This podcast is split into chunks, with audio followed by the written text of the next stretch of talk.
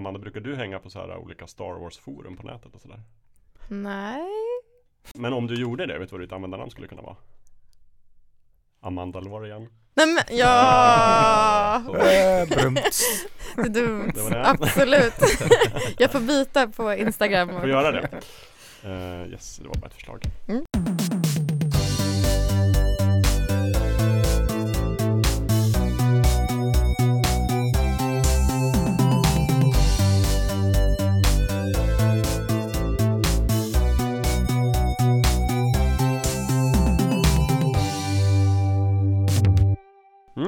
November avsnitt är här. Det blir lite många miniämnen idag kanske. Nu är Mm. vi också full styrka. Det är, vi är tydligen den här släpiga söndagspodden nu för tiden. Jag står för whiskyrösten idag, Jakob Bäck, men vi har också Mm. Gustav Höglund med oss. Hej. Hej. Bidrar med eh, ungdomligt mod. Ja. Och na- naivitet, dumhet, Mm. dumdristighet, Precis, Mm. det. Du går dit in- inga andra vågar gå. kon- konstlad eh, visdom. Precis. Och så har vi ju Lövet. Gammal och slug, eller vad ska vi säga? Eller bara gammal. jag vet inte jag. Bidrar med stora kunskaper. Ja, jo. Eh, och Ja. kanske kommer extra väl till pass idag. Vi får se. Kanske. Eh, och sen Amanda Reventlid återuppstår från de döda. Jajamän. Kul, välkommen tillbaka. Tänk att jag står för käckheten. Ja. det är många som har frågat efter dig, både i eh, till podden och i andra sammanhang har jag hört folk säga så här, när kommer Amanda tillbaka till Ja. podden? Och, Jag brukar dyka in lite grann ibland sådär. Ja, det var också någon som skrev att du skulle få delta på lika villkor. Ja, Vilket jag tycker är rimligt. Det tycker- det tycker jag också. Vet du vem du är Amanda? nej. Du är, du är när Tom Selleck dyker upp i Vänner Ja. ja Just det, studiopubliken Mm. s- Woo! jublar Exakt, när man gör entré. det var inte samma, samma eh, brunkande mustasch Nej, nej, vi jobbar på den. Ja, eh, hur står det till om allihopa? Ska vi gå varvet kanske? och Berätta lite också om vi gjort någonting sen sist. Eh, du får börja Amanda för att du eh, För att jag är här så sällan. Ja precis. Ja. Men jag, för jag började fundera på, det känns som att när jag är här så sällan så måste jag ju välja ut lite mer karameller. eh, eftersom att jag kan inte säga allt, då skulle det liksom ta hela, hela avsnittet.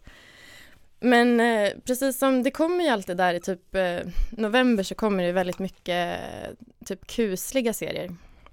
Ja. Eh, så jag har kollat på en serie som heter Midnight Club. Har någon av er sett den?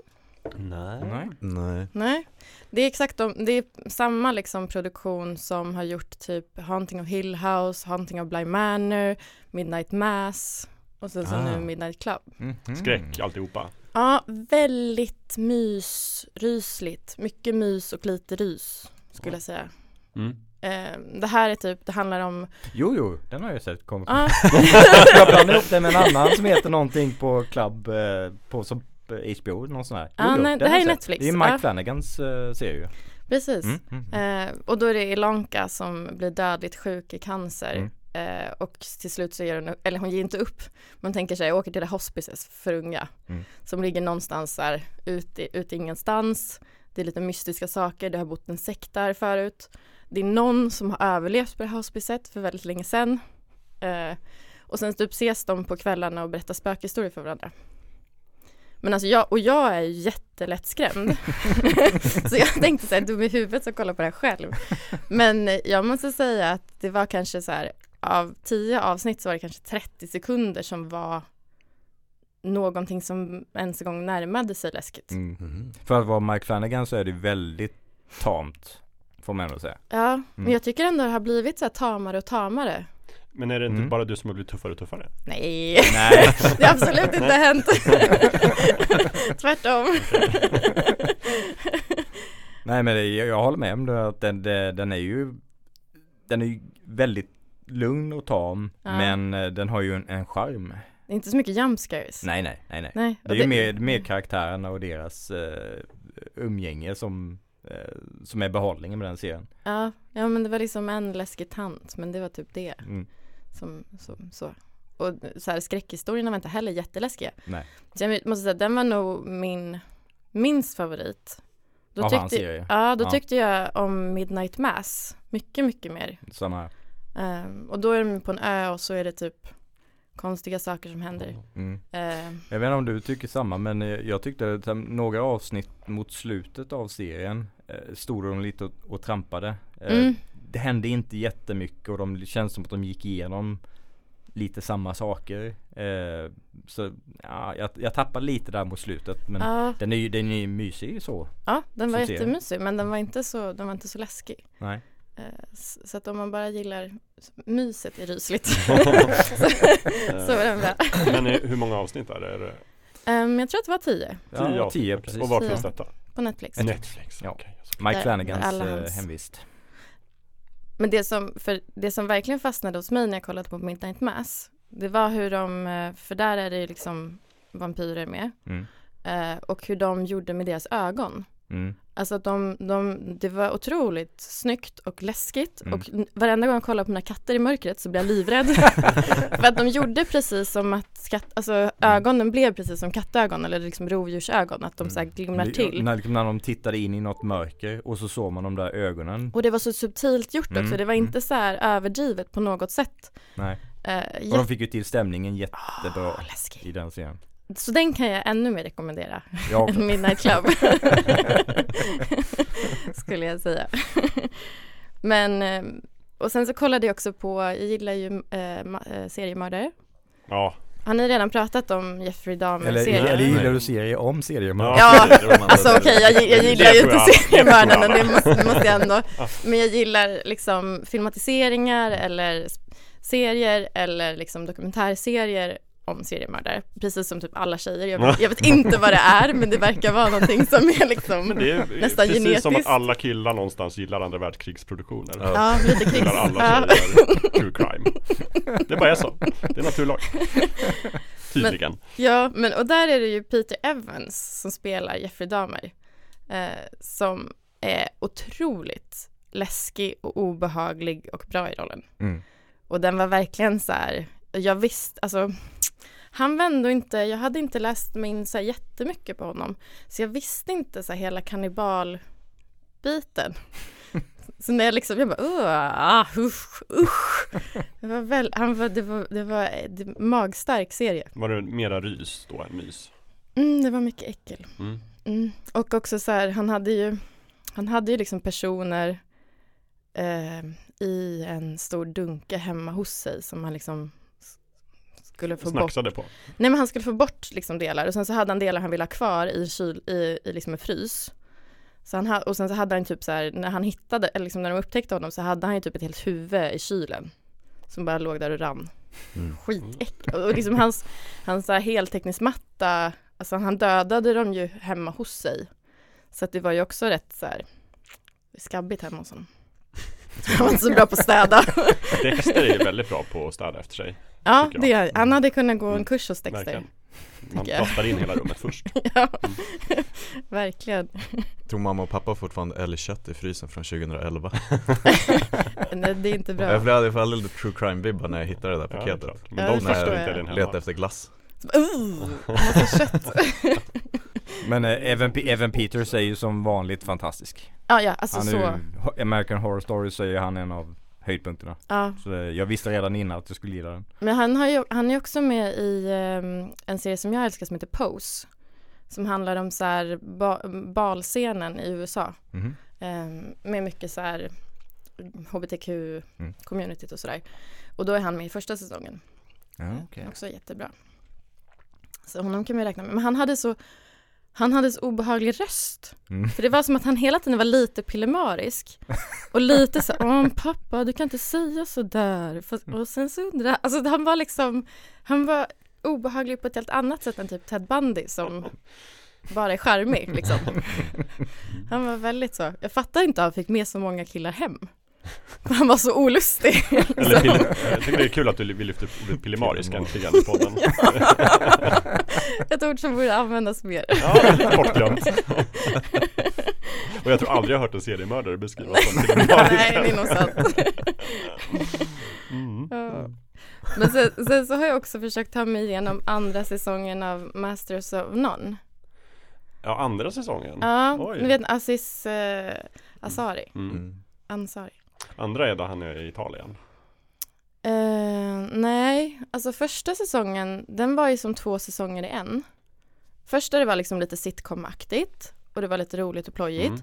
Och sen så andra delen, då var det liksom en relation han hade påbörjat och sen så fick man se, den var jättefin. Mm. Man fick se liksom hur relationen både började och blomstrade och föll. Just det, men det, den börjar ju, liksom- då är han ju i Rom och Ja. hänger i säsong två. Precis, Mm. men nej, eller det kanske är säsong Sen är två. det säsong tre som är den sista säsongen. kanske som den är, jag har ja, sett då. Som är väldigt annorlunda, det är inte han själv med så Nej, utan det är hans lesbiska kompis. Just det, annars kommer alla bara skriva in och rätta oss Ja, och säga det- "Oh, det- det är tre." bra Så jag var den killen istället. Det är bra att du säger det. Jag tog på mig den rollen. Men alltså jag har verkligen kämpat. Den är så, den är så trög. Och tråkig. Så det är väl kanske som ett antitips. Men jag tycker... Men Bra det har, det har jag tagit mig får, vi, igenom. nu får vi dem på oss ändå. Ja, Nej men det är liksom, eh, jag tror att det är, det är inte många minuter någon pratar. Det är bara väldigt långa, långsamma scener med ingenting som händer. ja. Och det är, lite, det. det är lite fint i typ ett tag, men inte en hel säsong. Ja. Jag Det är en kort säsong ska vi säga. Det är Ja, bara sex avsnitt eller Men någonting. det har tagit tid. Ja, jag fattar. Det, det är ju ett väldigt, väldigt fint hus de är Ja. oftast när de inte pratar. Så jag uppskattade Det det väldigt mycket för Och kulisserna. snön är fin. Ja, som är men det märks att bakom. de bara, vi måste sätta hela säsong tre i det här huset. Ja, jag har svårt med koncentrationen. Förstår. Mm. Den, den, Du, sväng in Om det, någon om, det, gång. om det är svårt att ta sig igenom och det är en kort säsong, det är Ja, ju nej, det är inte jättebra betyg. Nej, det är inte ett bra betyg.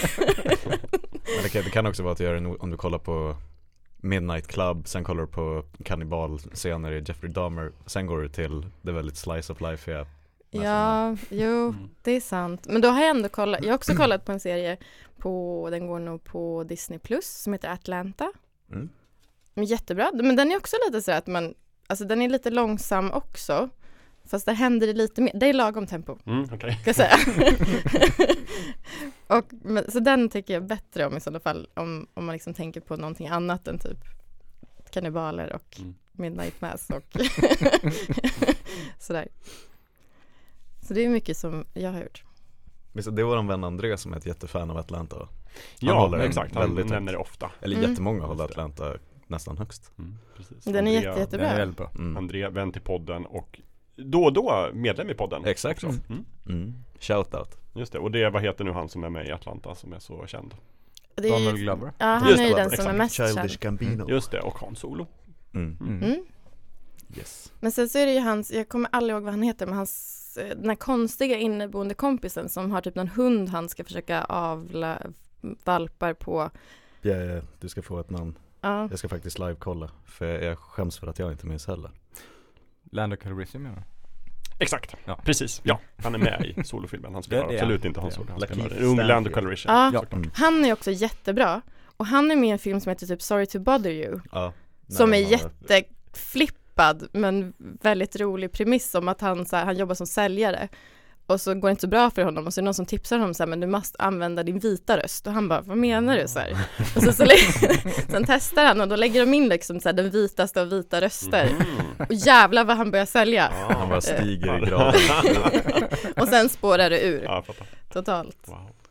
Han bara, jag kan bli president med den här rösten. Ja, det är nog precis vad han säger Snyggt. faktiskt. Wow, ja, nu blev jag sugen på. Vad hette den? Du? Det var Sorry film. to bother you Sorry Mm. to bother you. Okej, Ja, tar vi med den till Väldigt bra. tipslistan. Bra. Eh, Då kan vi passa på då den obligatoriska pitchen för våran länklista som vi lägger upp på fulkulturpodden.se kort efter varje avsnitt. Där kan man hitta, då, om man bara hör så här och tänker på vad heter den där filmen som Amanda pratade om? Då kan man bara Mm, gå in och så ligger den i någon sorts ordning och så kan man klicka på den och så får man all info mm. på Wikipedia-sidan. allt är gött att finns där Verkligen, så det är ett stående tips. Eh, Okej, något mer du har gjort? Eh, jag har också kollat på The Playlist.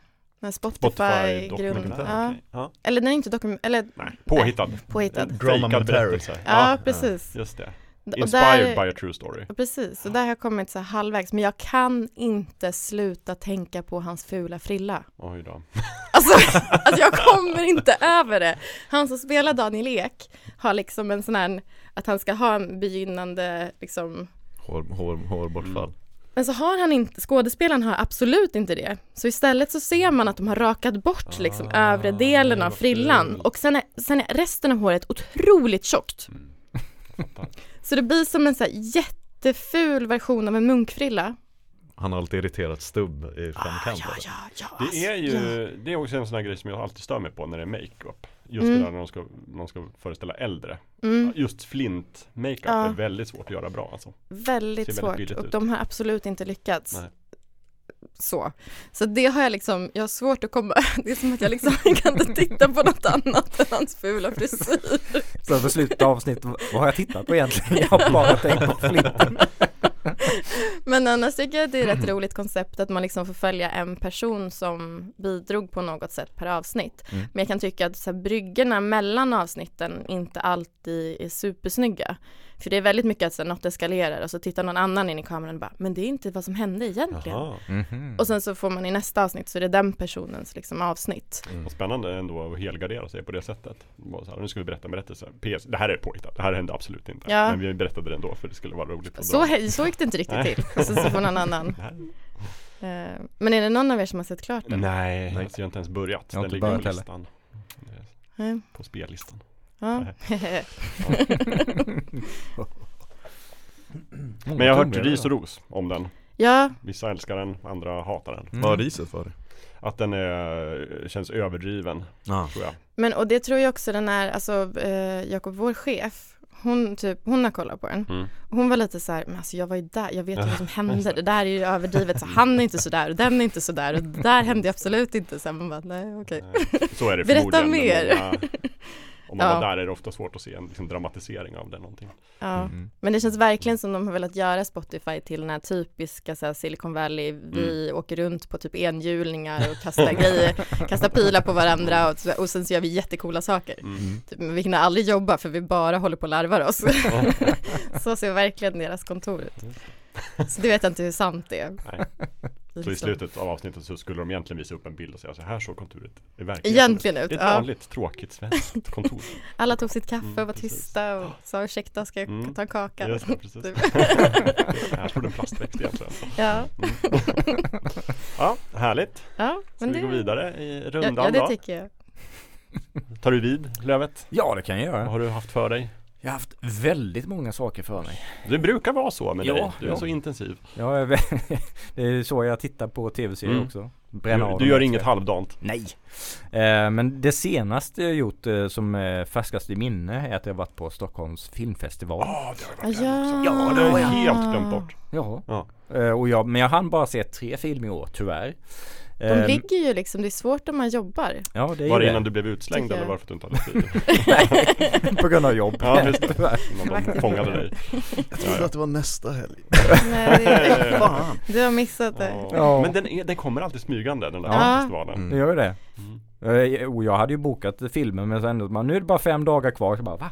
Oj. Men eh, jag hade min, mina filmer bokade mot slutet av Mm. festivalen. okej. Men körde du också den, var det Drakenfilm-appen? Nej det var Göteborgs filmfestival Ja precis, det, det, det här är ju deras egna, deras Right. urusla app. Om Mhm. någon, För om någon från Stockholm filmfestival lyssnar på det här. Skärpning. Fixa er app, snälla. Är det gamla, gamla HBO dåligt eller? Alltså det är Sämre. sämre. Ah, Okej Det står ju, står ju fortfarande så här, Stockholms filmfestival 2021. Nej. Nej. Det, är, det, är det kolla, kolla på Blu-ray på Xbox dåligt? ja. Ja. Försöker bara, om någon lyssnar på det här och känner någon som jobbar med filmfestivalen, Mm. för det här vidare också. Precis. Ta tåget till. Göteborg, fråga om ni kan låna deras app istället. För den funkade ju skitbra, den tyckte ju du och jag om Ja, li- Draken. licensiera den och byt ut lite Mm. saker. Det Mm. skulle vara mycket bättre. Men jag såg tre filmer. Två var väldigt bra, en var eh. Och eh, den här, det här året, precis som tidigare år, så har jag en av filmerna har jag bara chansat på en skräckfilm. Mm. I hoppet om att jag ska hitta den där, det där guldkornet. Som är en helt fantastisk skräckfilm som ingen annan pratar om. Just det. Men jag lyckas inte i år heller. Så Du- du skulle kunna vara en skräck, hipster-skräckis? ja precis. Jag ska vara framme i bräschen liksom. Ingen annan vet om den. ni, Inte kommer, ni pratar bara om kommersiella skräckfilmer. Jag har hittat den här, va? är det ingen annan som känner till den? Bra. jag, jag, Vilken kollar, dröm ändå. Håll den levande. Ja. jag kollar på en skräckfilm som heter Family Dinner av en österrikisk regissör. Det är hans första film. Okej. Eh, och ehm, också, han har också om kannibaler. Nej men! Det är kannibalavsnittet Det är där. kannibalavsnittet. Och en annan av filmerna som var bra handlar också om kannibaler. Ah. Eh, men den här, utan om någon ska få för sig att titta på den ska jag inte avslöja vad den handlar om. Men den premissen som avslöjas eh, lite längre fram i filmen var inte jätteoriginell och jag såg den komma typ en halv mil innan den avslöjades. Så det är nästan ingen spoiler om du skulle berätta det. Nej, typ. Om Men, ni börjar ja. titta på den kommer ni också förmodligen fånga vad den kommer handla om. Eh, så det var, inte, det var inte dålig men var mer såhär eh, ry- rycka på axlarna eh, över den. Eh, men så såg jag en annan film som heter Banshees of Inisherin. Ja, Mm. Mm. Med eh, Brendan Gleeson och eh, Colin Farrell. man- den kan ses som liksom en, eh, en eh, stämnings, stämningsfull uppföljare till eh, In Bruges. Mm. Eh, det, det är ju ingen uppföljare i, i ordets rätta mening men det är mycket samma stil. Samma regissör, Samma, regissör, skådisar. precis. Ja. Mm, väldigt irländsk. Väldigt irländsk. Och den handlar ju om två kompisar på en, en irländsk ö. Eh, som eh, den ena kompisen helt plötsligt får för sig att nej, jag vill inte vara kompis med det här längre.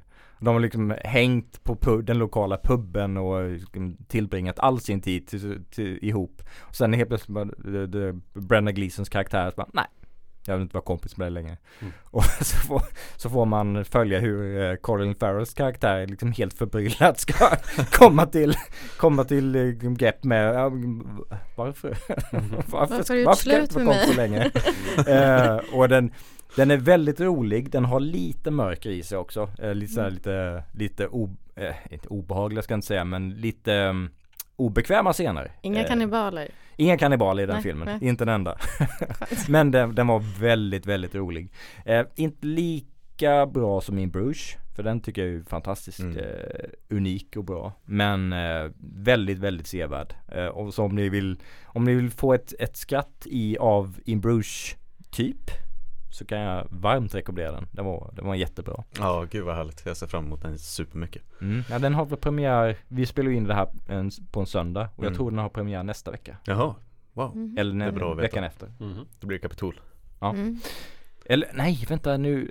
För den, den, den tredje filmen jag såg var Bones and All. Det är kanske är den som har premiär Mhm. nästa vecka. Då blir det Kapitol. Då blir det Kapitol. Då blir det Kapitol. Skiter vi ja, i alla fall. Eh, Den tredje filmen jag såg var Bones and All. Och den kan typ beskrivas som en coming of, coming of age eh, romantisk film med kannibaler. är det något tema? På Det är som att man blandar liksom damer som han Mm. också ett romantiskt intresse som då kan döda och äta dem. Och så. Ja. Ja, det är lite Men, Circle eh, of Life kallas det. Ja precis, precis. Men är det, och eh, jag skulle säga det, det är ju Timothy Chalamet och ehm, hon som jag alltid glömmer bort som är den eh, äldre systern i s- Galaxy Quest på Netflix-serien. Eh, mm, otroligt smalt. Taylor Mackenzie eller något sånt tror jag hon heter. Eh, Ja, nej, Lost in Space. Lost, Lost in Space På. Netflix, just Precis, det. precis. Ja. eh, Galaxy Quest är ju den med Matt LeBlanc. Exakt, Ja. just det, just det. Eh, jo, eh, jag tror hon heter Taylor Mackenzie eller något sånt. Eh, hon spelar huvudkaraktären och sen så stöter hon på eh, Timothy Chalamets karaktär under resans gång. Eh, och den har lite, vid olika tillfällen under filmen fick jag lite typ The Shining Dr. Sleep-vibbar över eh, det som hände och, och stämningen och karaktärerna och hur dialog levereras och sådär. Eh, väldigt charmigt, väldigt välskriven och eh, eh, trots att det handlar om kannibaler så, så är den inte, den är inte obehaglig direkt. Eh, den är nästan mysig. Men är den som typ den här eh, Warm Bodies? Som var sett. för länge sedan med typ där det var så en romantisk zombiekomedi. Där det är typ en zombie som börjar, hans hjärta börjar bulta lite. Och så är han kär i någon så här människa. Och så varenda gång han försöker visa henne att han är kär så bara! Så tror hon att han vill äta upp henne. Det blir liksom lite Nej, inte riktigt. Det- här är mer typ hur de ska hur de ska lära sig leva med eh, att de är Ja, okej. kannibaler. Mm. Eh, för det Jag vill inte säga va- varför men eh, de, de, de det, det är lite den här The Shining, Dr. Sleep-känslan att det är någonting med de här kannibalerna eh, som, som får de här personerna att träffas. Mm. Eh, jag vill inte säga mer än så. Men eh, väldigt intressant och unik premiss och jätteväl skådespelad och välskriven och ehm, jag tyckte slutet var bra allting så den kan jag också varmt rekommendera. Mhm. Mycket, mycket bra film. Jag såg, eh, eller jag kollade in lite vad de hade och så Mm. såg jag någon film som Faris Faris var med i. Som fick rätt bra, men nu kommer jag inte Mm. ihåg vad Ja, den ja, hette. ehm, ehm, Ja, Just det. Vad b- heter eh, boy, eh, Boy from Hev- Heaven Boy va? from Heaven. Ja. Ja. Den, den, har jag inte tyckte jag verkade bra. Så den Mm. ska jag kolla in sen när man kan se den utanför festivalen så att jag missade, missade allt. Som så många andra. ja. Men den har jag börjat få reklam för på Apple TV så den kanske kommer snart till streaming. Ja. Eller om Den är inte redan överallt här, i tunnelbanan också. ja, det är den kanske- verkligen. Ja, just det, det kanske är där Mm. jag har sett den. Det är den här, jag vet inte, vad- det, det tajmade så bra för jag såg en Jag fastnade på en video på youtube som bara ploppade upp om en av de sista fesmakarna i Åh! Turkiet typ. Eh, Som fortfarande har de här gamla pressarna från typ så Ottomanska riket Ehm, Och där berättar de att, för fesen har ju blivit liksom bannad under tidsperioder och man ska inte längre ha den men så du vet den ersatte turbanen och så sen så får du eh, Men det finns en som har den här vita Den är klädd i vitt tyg runt uh, används mer av typ imamer och liksom Ja. i religiösa syften Och den kunde de inte riktigt plocka bort för det hade blivit för mycket eh, Ah, okej. liksom, eh, Rabalder. och, det, och om ni ser postersen för den filmen så är de verkligen överallt Och då tänkte jag, hmm, ibland så lär man sig verkligen någonting av att bara eh, låta YouTube-algoritmen Absolut. Ja, servera absolut. Ja. Hur visste den det att du var? Eh, Det här exakt. kommer Gustav det var, som en, det var som en bakvänd, för först tänkte jag att jag hade sett posten, sen så rekommenderade de den Av någon sjuk anledning, Mm. men nu var det tvärtom Ja, Mm. precis. Men det är väl algoritmerna, det vet vi ju om vi har sett science fiction, att algoritmerna blir till slut så smarta att den kan förutsäga framtiden. Fra- Framtiden, mm. Då vet. Så Minority report. Jag blev minority reportad av, av Nej men för jag, jag åkte i tunn, eh, alltså jag åkte ner för rulltrappan Och så sen så såg jag posten Och så sen så nickade jag bara till och tänkte Nu Jag, är, det på jag är ju fesexpert Ja. jag har ju det lärt här, mig är ju, allt. det här är ju perfekt Helt perfekt Var det någon då som du åkte med som du kunde berätta för? Bara, by the way, det Nej men en det, alltså det har bubblat i bröstet Ja, ända sen dess så förstår. Det är så skönt att få en förlösning nu liksom Ja. Jag tyckte du, du var väldigt snabb där, men du kunde, får gärna berätta mer om Fesens historia om du vill. Nej nej det är bra, Nej, det är bra. det är bra. Mm. Eh, Du kanske kan länka till eh, Youtube-videon. Ja, Det är länklistan Det kommer vi absolut att göra. För jag tror många vill lära sig mer om det här. Inför denna film då. Mm. Har du gjort och sett något annat Gustav? Om du var färdig löpet, eller hade du mer? Jag hade mer men Ja, jag, men- jag, Nej men jag, jag har ett helt gäng saker men jag ska bränna igenom dem ganska snabbt. Gör det. Eh, Eh, jag kollar igenom eh, Guillermo del Toros eh, s- Ja. eh, antologi of, av eh, skräck. ja. Eh, Cabinet. Cabinet of Curios- Nej, Curiosities. ja, ja, jag säger alltid fel. Ja, Mm. mm. fel. Eh, vilket jag tyckte, de flesta avsnitten var helt okej. Mm. Eh, några var ganska bra men det var inget som var jätteminnesvärt. Förutom avsnitt 7 Mhm. som eh, regisseras av Panos Cosmatos. Som eh, regisserade min favorit eh, skräckis med Nick Cage. Mandy. Åh! Ja, den är ju Var, var det inte han som gjorde Beyond the Black Rainbow? Jo. Ja, den har jag sett. Väldigt otäck. Ja, och han har, han har ju en vä- väldigt unik stil. Verkligen. Mm. I, både i det visuella Ja. och hur karaktärer Oj, interagerar. nu blev och, jag sugen. och, och, det, och det, det avsnittet det är det är, man märker att det är Panos Cosmatos. Mm. Det och jag gillar handlingen i det avsnittet och det är urläckert gjort. Eh, och bra skådespelare och ja det, är- det, jag bara satt och mös hela, genom hela avsnittet. Eh, jag Fantastiskt kolla. bra. Jag tror bara jag har kommit, jag tror jag har sett två eller tre avsnitt. Mm. Då ska jag kanske snabbspola. Eller, jag Eller nej. bara starta sju sjunde Jag kanske skulle behöva först Ja, precis, det är streaming. sitter Du ihop. behöver bara Det heter VHS längre. backa i menyn och välj. Ja. Men hur ligger den här på liksom mys-rys-skalan då?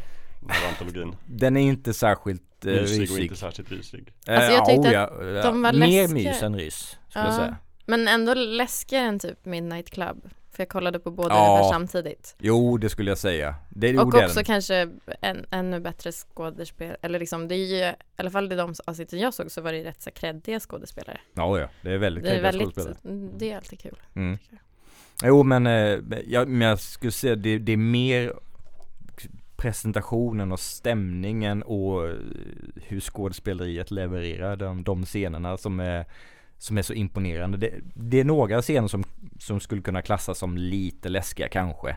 Men det är, det är bara hur imponerande och mysigt och fint allting är. Ja. Som, är- som är stora behållningen. Jag tror i och för sig att vi har olika referensramar om, om hur läskigt olika saker och ting är. Men, men jag tycker också att det har varit mer så här, åh, mysigt och lite rysligt. Än så länge i alla fall. Gåshud på ena sidan och liksom tittningar på den andra. Åh. Men sen mysfarbrorn Del Toro har Japp. styrt det på ett bra sätt. Ja, låter bra. Och detta är också Netflix då förstås. Ja, Ja. det är det. Eh, och sen har jag ju tittat klart på, eh, eller jag har ju tittat på alla avsnitt av Andor som är ute nu när Oh. Mm. Ja. Mhm. Och jag håller med eh, dig Jakob. Det är det bästa sen Rogue One eh, som Star Wars har producerat. Jag tror till och med jag sagt det bästa sen Imperiet slår tillbaka. Mm, Sa jag ja. i, i högmod en, en dag.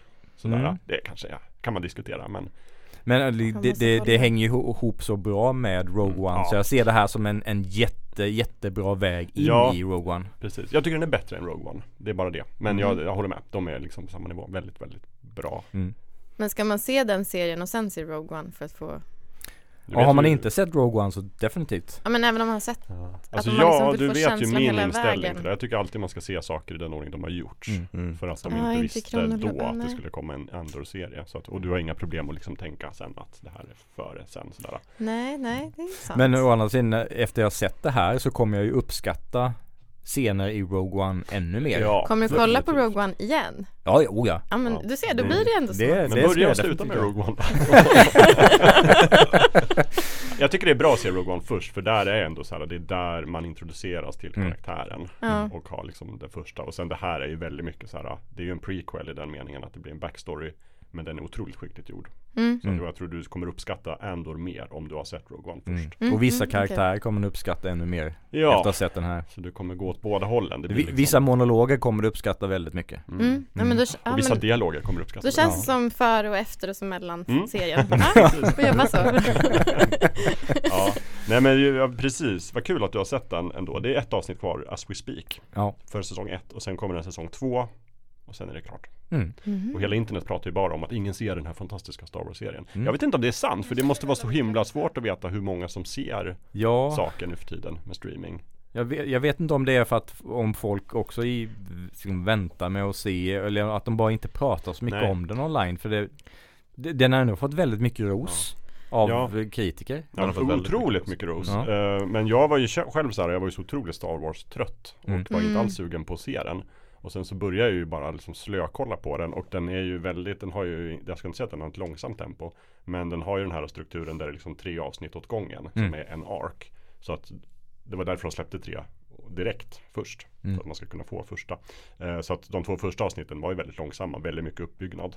Ja, de bygger ju man- karaktärsrelationer. Ja. Vilket är så jätte, jättebra. Precis, så gillar man inte dialog och relationer så då, då kanske man inte saknar fulkultur. Ja men då kanske man saknar, vad var det du skrev? För lite ljussablar Mm. Mm. Men det, det tyckte folk kritiserade Rings of Power och eh, House of Ja. the Dragon för också. Och ja, jag, folk, folk pratar så mycket Folk- Men jag tror att folk vill ha så mycket sus och dus. Ja. Det är det som är problemet. Men alltså det finns ju väldigt mycket både sus och dus tycker jag ja, ja, Eh, ja. Herregud. Men jag tror historien kommer ju lyfta fram det här som en otrolig framgångssaga för Disney Plus och för Star Wars-universumet och den kommer gå till historien. Och Stellan Skarsgård är fantastisk. Fantastisk! Oh ja, Mm. oh ja. Och Andy Serkis är också fantastisk. Han spelar inte, vad heter han? Snoke. Under Snoke, utan han spelar en annan karaktär.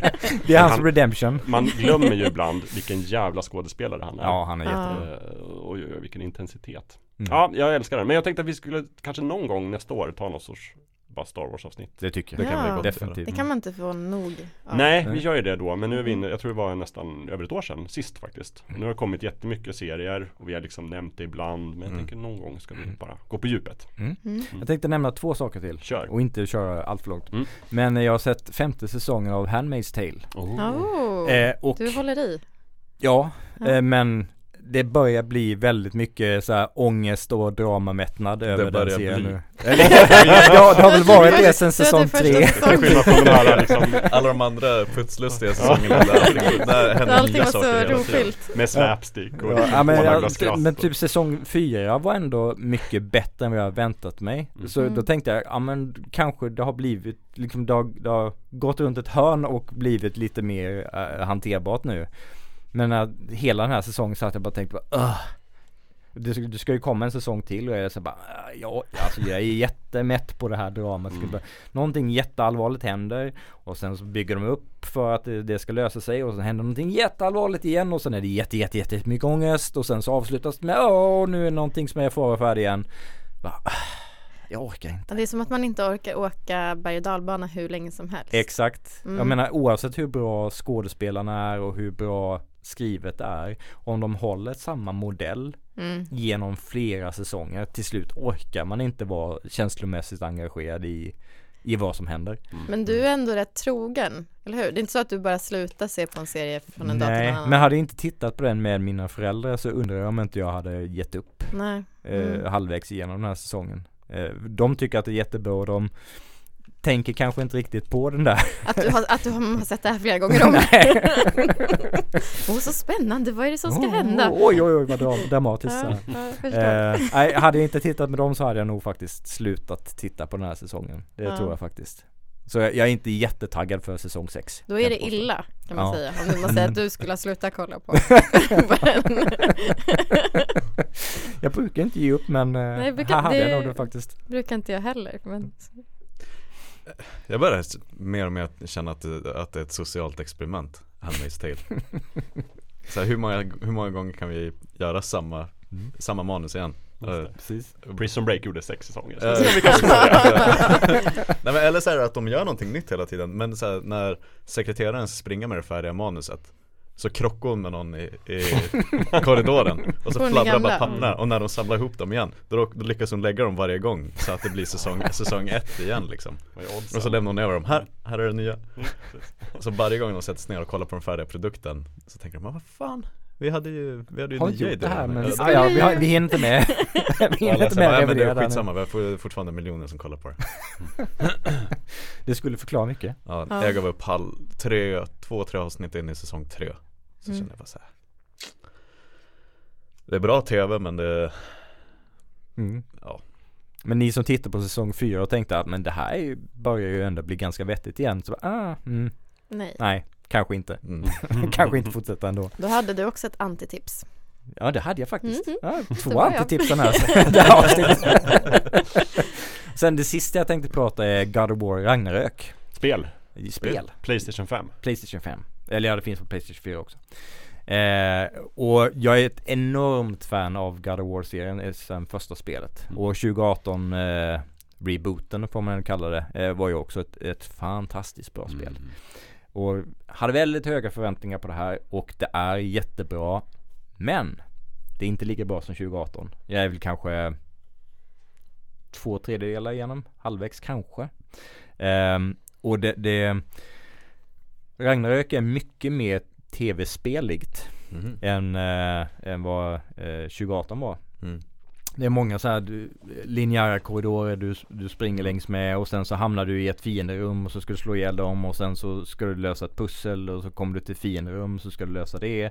Sen kommer du ut till ett lite mer open world område där du kan gå runt och leta skatter och kanske göra något sidouppdrag. Eh, och de, de, de känns inte som att de är lika naturligt placerade i spelvärlden som de var i 2018. 2018 var ju typ som ett man följde nästan som ett konstverk och eh, en, var en, en episk one take. saga. Ja, Mm. ja precis. En stor one take och eh, open world-delarna, de- det kändes som en del av den spelvärlden du utforskade i det här one take konstverket. Mm. Ehm, och det är inte riktigt på den nivån i Ragnarök. Eh, jag vet inte om det är för att de har varit tvungna att designa spelet för att det ska funka både på PS4 och PS5. Så har de Just blivit det. mer sådana här eh, långa korridorer där du eh, Ja De behöver inte ladda in lika mycket Mm. eh, och, Men de kan ju inte designa spelet olika på två plattformar Nej. så Kanske de har fått Det är sånt gissel det där mm, med gamla generationens Det är ju det. men Jag tycker har- de ska göra som de brukade göra på Wii-tiden. Att de har liksom en egen annan studio som gör ett helt eget spel. För Mm. de klena konsoler som är mycket, mycket sämre och som ingen spelar. Andra gradens utvecklare, Ja, här gör det- de är PS4 så här, versionen. Det får alla praktikanter som får göra det.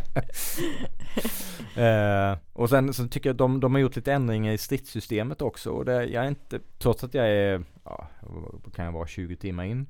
Eh, så jag har ännu inte blivit helt, helt kompis med eh, de olika aspekterna av stridssystemet. Och i 2018-spelet var det var ju Det var ganska enkelt att komma in i det. Men för att du skulle bli tillräckligt bra på det för att klara eh, högre svårighetsgrader eller klara alla superbossarna som Valkyrierna så var du tvungen att nöta ganska mycket innan du kom in i det här så att du fick tajmingen rätt och kunde utnyttja alla funktioner och stanna fiender och sådär. Ehm, och här känner jag att om jag, om jag kommer till några superfiender inom de närmsta timmarna kommer jag långt ifrån att vara tillräckligt med kompis med kontrollerna för att kunna besegra sådana. Eh, så jag tycker, tycker inte det är riktigt lika tajt. ehm, Inte lika på gameplay-departementet. Men det är ju fantastisk story och det är urläckert snyggt. Mm. Eh, Mm. Konstnärligt jätte, jätte, jättefint sådär. Mm. Så att, eh, det är ett fantastiskt bra spel men inte på nivå med 2018. Tyvärr. Mm. Skulle jag säga. Mm. Men det är allt jag hade. Det var allt jag Ja, hade. ja, En bra lunta ja, Ja. ja. tips till länklistan, härligt Och antitips. mm. Ja, ett antitips också, ja, bra. Får vi se vad du har då Gustav Vad jag har? Ja, Gud, jag har, jag, jag har också skräck Och så sen så tänkte jag befästa könsrollerna nu när jag är igång Det vet det Amanda sa tidigare Så vill ni ha jullovets män i gruppserie? Andra världskriget Åh. Nej men jag, eh, alltså Steven Knight, det här har jag skrivit till er eh, på Slack tidigare Men Steven Knight, alltså han som har gjort Peaky Blinders, eh, det, det är väl det han är mest känd för nu Mm. liksom Mm. Ehm, Men även Taboo, du vet den här lite Jättebra. mysrysliga med Tom Hardy Som jag aldrig blev riktigt klok, klok på Nej, Jag tyckte om och det, den. det var väl bara en, var det en eller två säsonger? Jag kommer Det var en säsong. Det känns verkligen som att det skulle bli mer än en se- Ja, säsong precis. Alltså Tom Hardy och Una Chaplin Mm. i någon typ av viktorianskt Mm, mm. London mm. ja det låter som din serie Ja, det var Ja, min serie, var absolut. Men också han var så jävla rå. Ja. Alltså vissa grejer man gjorde, han gjorde, man bara "Mm, ja, det där, nu såg man för mycket. Hög folk med så köttkrokar i Ja, ryggen det var och helt hade sig. sjukt. Så, ja, men, men det är ju verkligen en sån Jätterå. Jag behöver inte mer än att Tom Hardy går runt i en stor svart rock och ser svår och farlig ut Nej, nej, i, samma så, här. Det var väldigt atmosfärisk serie Men det, Det det hade som Venom Mm, Ja, ja, Ja, nej. fast, Nja. fast också.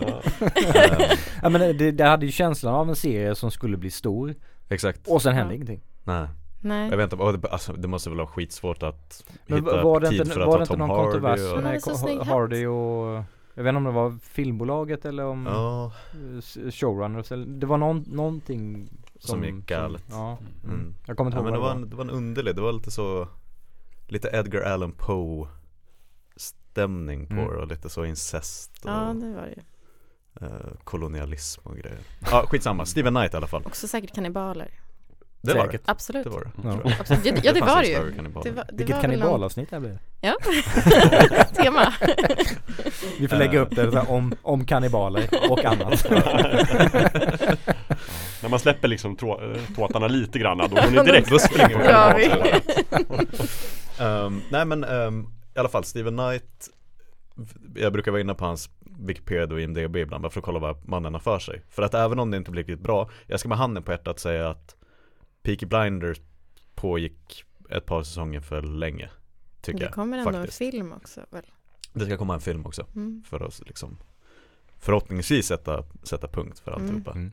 Eh, Men eh, han hade en produktion på gång som eh, heter, eller nu heter den för nu är den släppt Rogue Heroes Eh, Som jag direkt var så här, ah, när den här kommer så ska jag se den Mm.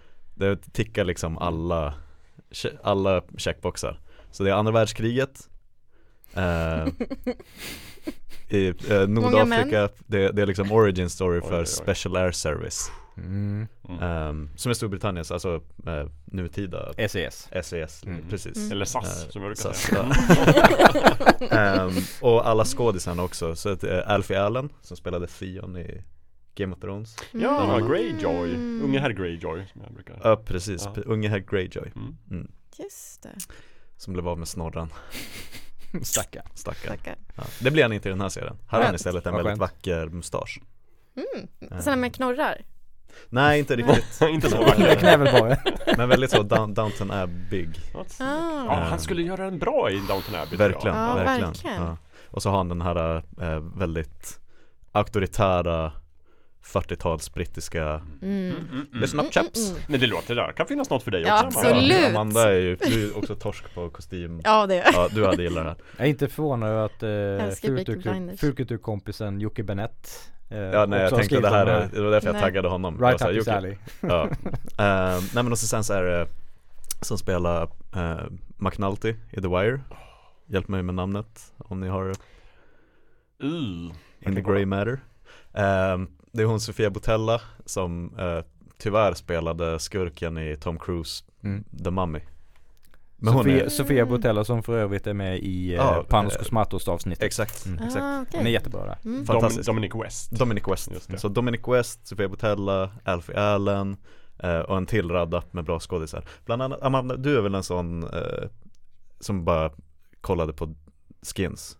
Ja, absolut. Ja, han som, Absolut. han som spelar Bad Boy i Skins som sen spelade huvudrollen i den här uh, Angelina Jolie-produktionen Fan heter den? Unbreakable Där är japanskt Mm, fångläger mm, och så blir han olympisk Just, vilken version av Skins? För de hade, det var ju typ tre stycken olika uppsättningar med Nu ska vi se, om jag kan be Jakob att googla Rogue Ja. Heroes så borde du få upp Absolut? Eh, Ja, så det i alla fall det, det är mycket mera, om man, om man är sugen på något sånt Band of Brothers Så vill jag bara förvarna att det är mycket, mycket mera Inglourious Basterds än Band of Brothers mm. Alltså gillar det, jag. det, det är liksom rappt och det är nutida rockmusik när de kör runt i jeeparna i Mm. öknen Och det är den här Det är väldigt Guy Ritchie-klippt Mm. Att varje karaktär introduceras med en sån splash screen Det låter helt fantastiskt. Det låter jättebra Mm. Du, vad, Ja. vem Ah. spelar han i den här uh, Unbroken?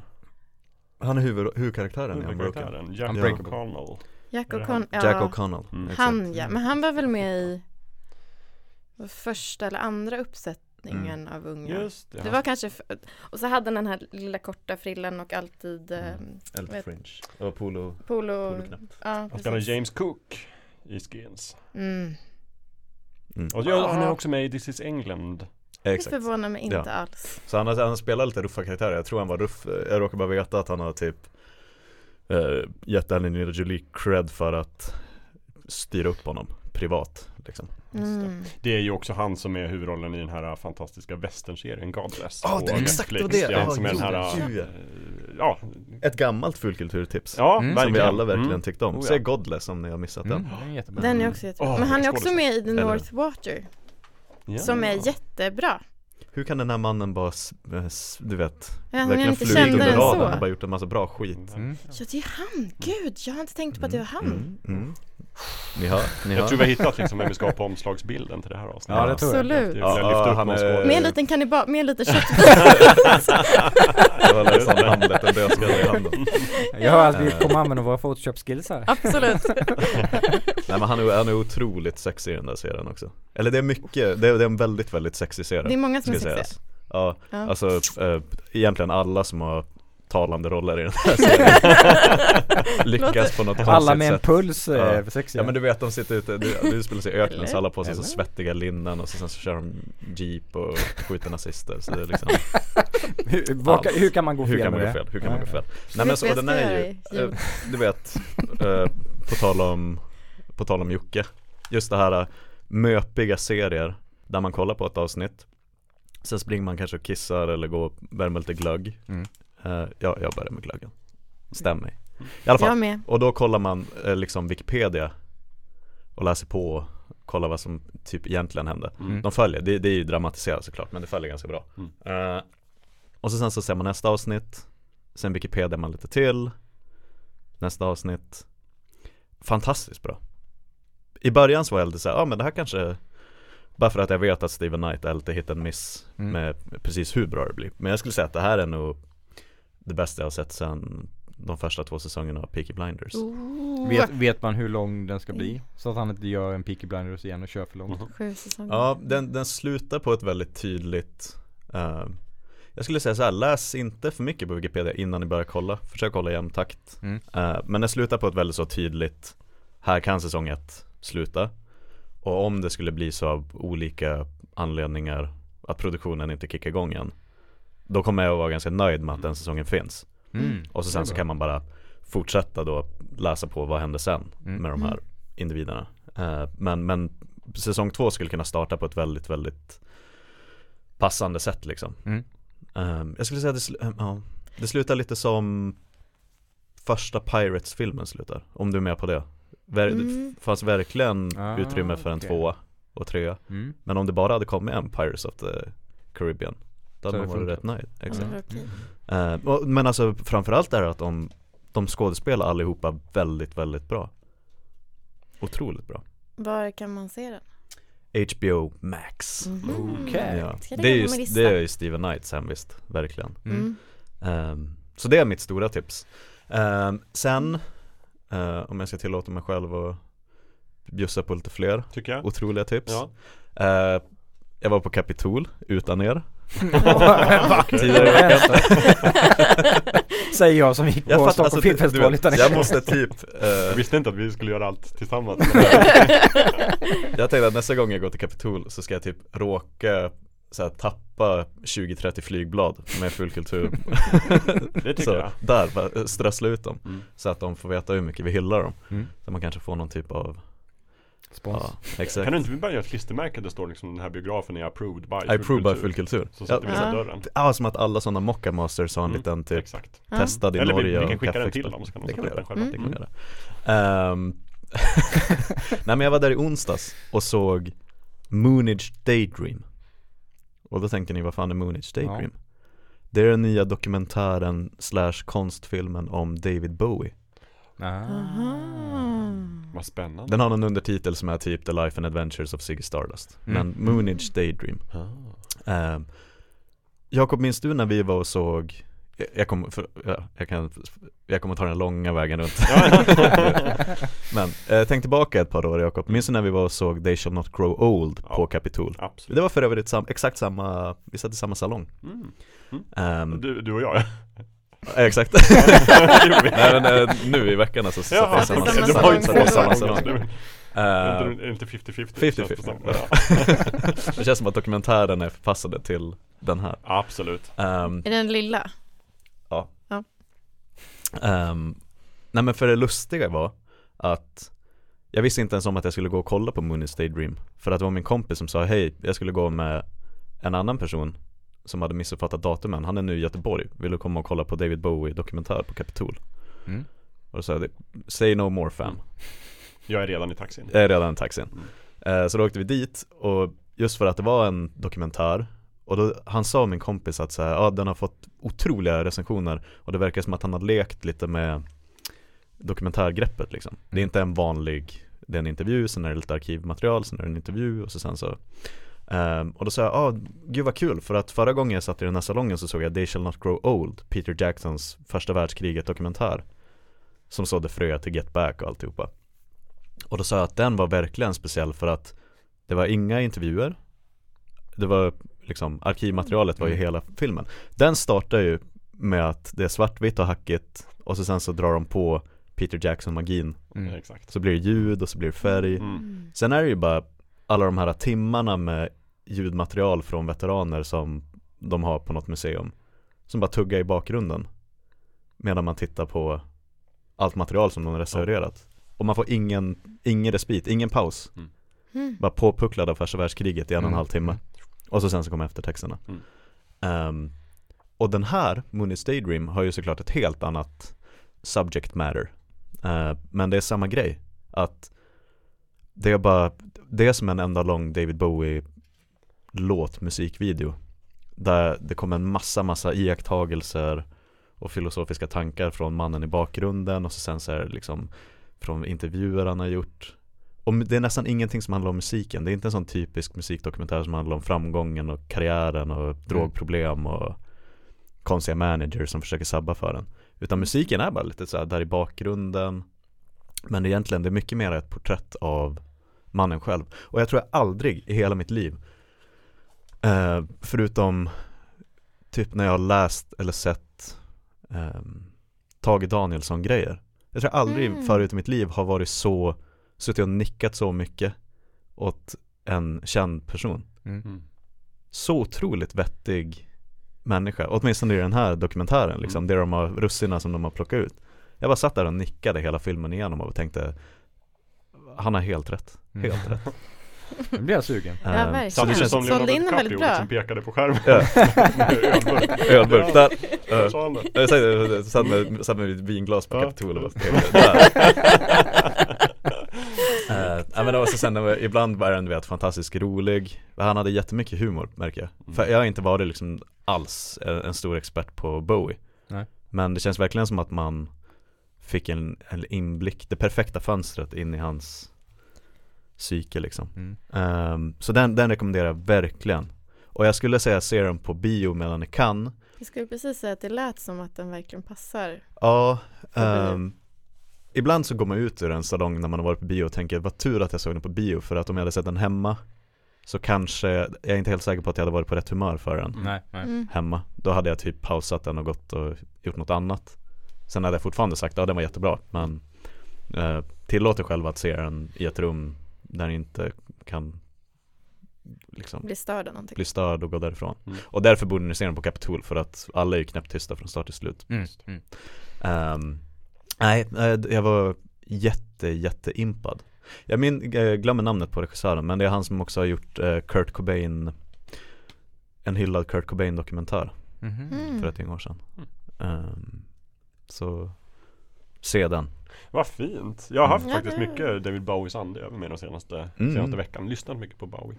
Ja men då, Algoritmen har serverat mycket Bowie. Ja. Nu förstår jag varför. där är det bara att tu- tuta och köra. Kul. Det är kul, det är verkligen så här, för han, eh, han hade ju sin eh, eh, Berlinfas eh, Som typ alla eh, musiker har förr eller senare men det, men det är verkligen bara du vet så här 30 sekunder när han var så här. Ah, sen fick jag för mig att jag skulle åka till Västberlin för att där bryr sig inte, ingen bryr sig ett skit i Västberlin Mm. Och så är det bara lite bilder på folk som typ stapplar ut i barer Och så sen så är det, så är det klart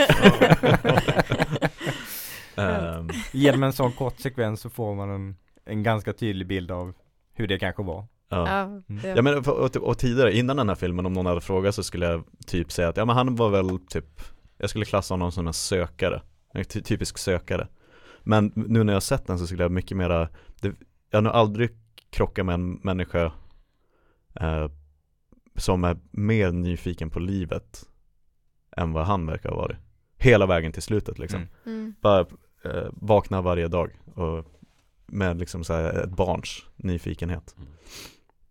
Min kompis som jag såg det med, han hade två observationer. Den ena var Västberlin avsnittet, eller delen var för kort. Mm. Och den andra var, nu känner jag mig plötsligt mycket tryggare med att åldras för att mannen blev bara snyggare och snyggare för varje, för varje år. Ja. Mm. Ehm, så ja, Moon, Moonage Daydream. Lägg det på Mm. minnet och se den, på, se den på bio Mm. innan det är för Får sent. kolla hur den går. Mm. Mm. Wow. Ja. Vilket innerligt tips. Ja. Mm. Verkligen. ja, men jag är fortfarande lite drabbad. Det kändes som att det blev så här fin stämning. Verkligen. Man bara, "Åh." Men då kan jag knäcka det för att berätta att jag också såg på skräck i så fall. Ja. Ehm, Lövet, vässa, vässa svärdet nu. Jag vet Så kan vi fäktas lite. Mm. Jag var, på, jag var också på bio, eh, inte på Kapitol, utan jag utsatte mig verkligen för vet, den klassiska, jag gick på Sergel och kollade Mm. på Smile, Mm. skräckfilmen Smile, Undrar vi såg den samma dag? Det. det gjorde vi. Ehm, du såg den senare än mig. Mm. Ehm, och den eh, gör sig egentligen skyldig till alla de värsta brotten som en skräckfilm kan göra. Okej, okay, ett, den förlitar sig väldigt, väldigt mycket på jump scares mm. och plötsligt svinhög musik. Två, den är förutsägbar så in i helsefyr. Mm. Där var det verkligen, eh, så fort ljuset gick på på projektorn så var man så ah, sådär, den kommer sluta sådär. Och det gör den också. Mm. Um, och uh, Tre, den, den hänger, när det inte är jump scares så hänger det istället på avsaknaden av jump scares. Mm. Uh, så, så, det är inte att det, uh, den gör liksom båda två. Gud, jag hade dött. Uh, jag, jag, ska ärligt säga, att, och grejen är, så, så som film betraktad, som skräckfilm speciellt betraktad, så är den väl högst medioker. Oh ja, oh Ja. ja. Men en väldigt, väldigt effektiv marknadsföringskampanj. Väldigt Otroligt effektiv. effektiv. Otroligt effektiv. Jag fick också den här bilden att det skulle vara en eh, Krypa unik. Mm. originell, eh, bra skräckfilm liksom som nästan pratas om Terrifier 2 som alla pratar om att man ska Mm. kräkas för att den är så hemsk. Eh, Så, så när jag tittade på den så var det bara det här var ju inget originellt alls. Mm. Det här har jag sett. Eh, liksom, har, har du sett It Follows? Du har sett Du har den här sett den här, filmen. exakt, Liksom, ja. det, det är inget Ja. originellt med den alls.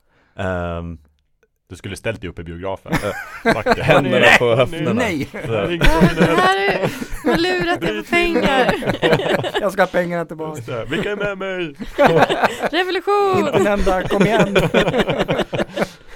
Men, men, men Eh, Jag rekommenderar den fortfarande helhjärtat så länge den går på bio Ehm, För att det var ett otroligt biobesök Jag, sk- jag skrek högljutt rakt ut gud, flera alltså. gånger. Jag hör, jag skulle Alltså det var en fullsatt bio. Eh, Medelåldern var ganska låg. Och vi, vi trissade upp varandra Mm. som fan. Eh, Så det bästa under filmen var när eh, Det var en tjej som gick ut på eh, toaletten. Och när de kom tillbaka och skulle sätta sig på sin plats Så lyckades hon trampa rakt ner i en popcorn. Och, och alla i biografen skrek. Och så sen så började alla skratta efteråt. Eh, Så det var verkligen, alltså så här kortisolnivån och adrenalinet sket i höjden, man kunde, alltså det var så här, Det var som att det låg en dimma av hormoner och Då var det väldigt annorlunda stämning i salongen jag satt i för det, det var liksom, Ja det var några som av den liksom vanliga publiken som Ja. kanske eh, ropade till lite vid någon sån här jump scare men jag satt bara eh. Det är klart Ja, du nej, gjorde. nej, det är nej, klart du gud, gjorde. var- Jag är inte förvånad. så hade kunnat se vilken film som helst. Du hade inte skrikit högt ändå.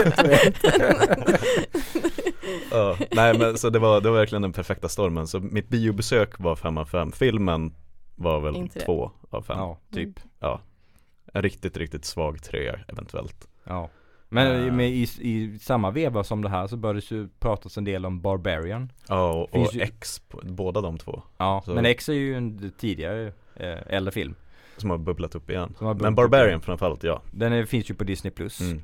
Eh, och, och det var många som skrev om den på Twitter bland annat. Så jag tänkte de, hmm, ja okej men eh, jag hade gått på den här smile. Ja men det, för det var ju lite så här skit i smile, kolla på Barbarian istället ja, och men i och med att jag har gått på marknadsföring runt smile så tänkte jag Ska jag verkligen köpa allt, allas snack om Allt den här skit som Barbie? folk säger på Twitter men, men eh, den är ju Den är ju mer originell. Den, Mm. den är inte hundraprocentigt originell men den är ju mer originell och den är väldigt bra Bra utförd. mm. Eh, och det är inte massa billiga jump scares och bra skådespeleri och allting. Mm. Så om, om man är sugen på skräck, gå inte på marknadsföringen på, runt Smile, Runt se Smile. Barbarian istället. Mm. Mm, mm. Det, det är nästan så att jag skulle vilja att den gick på bio istället. Ja, För den hade jag velat se på bio istället för Smile. Mm.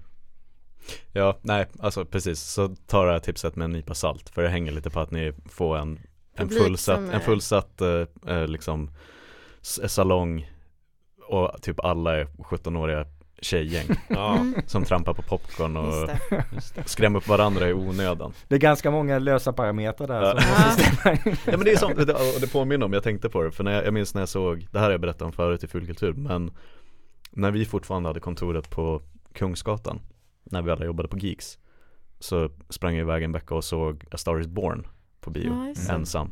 Och då hamnade jag emellan, jag lyckades boka en biljett precis när ett eh, gäng tjejer, 17 år, skulle boka sina biljetter. Så jag hamnade i, det var ju fyra stycken till vänster om mig och fyra till höger. Du bara de, som ville böja sig fram hela tiden och nicka till varandra för att de var överens om hur snygg eh, Bradley Cooper.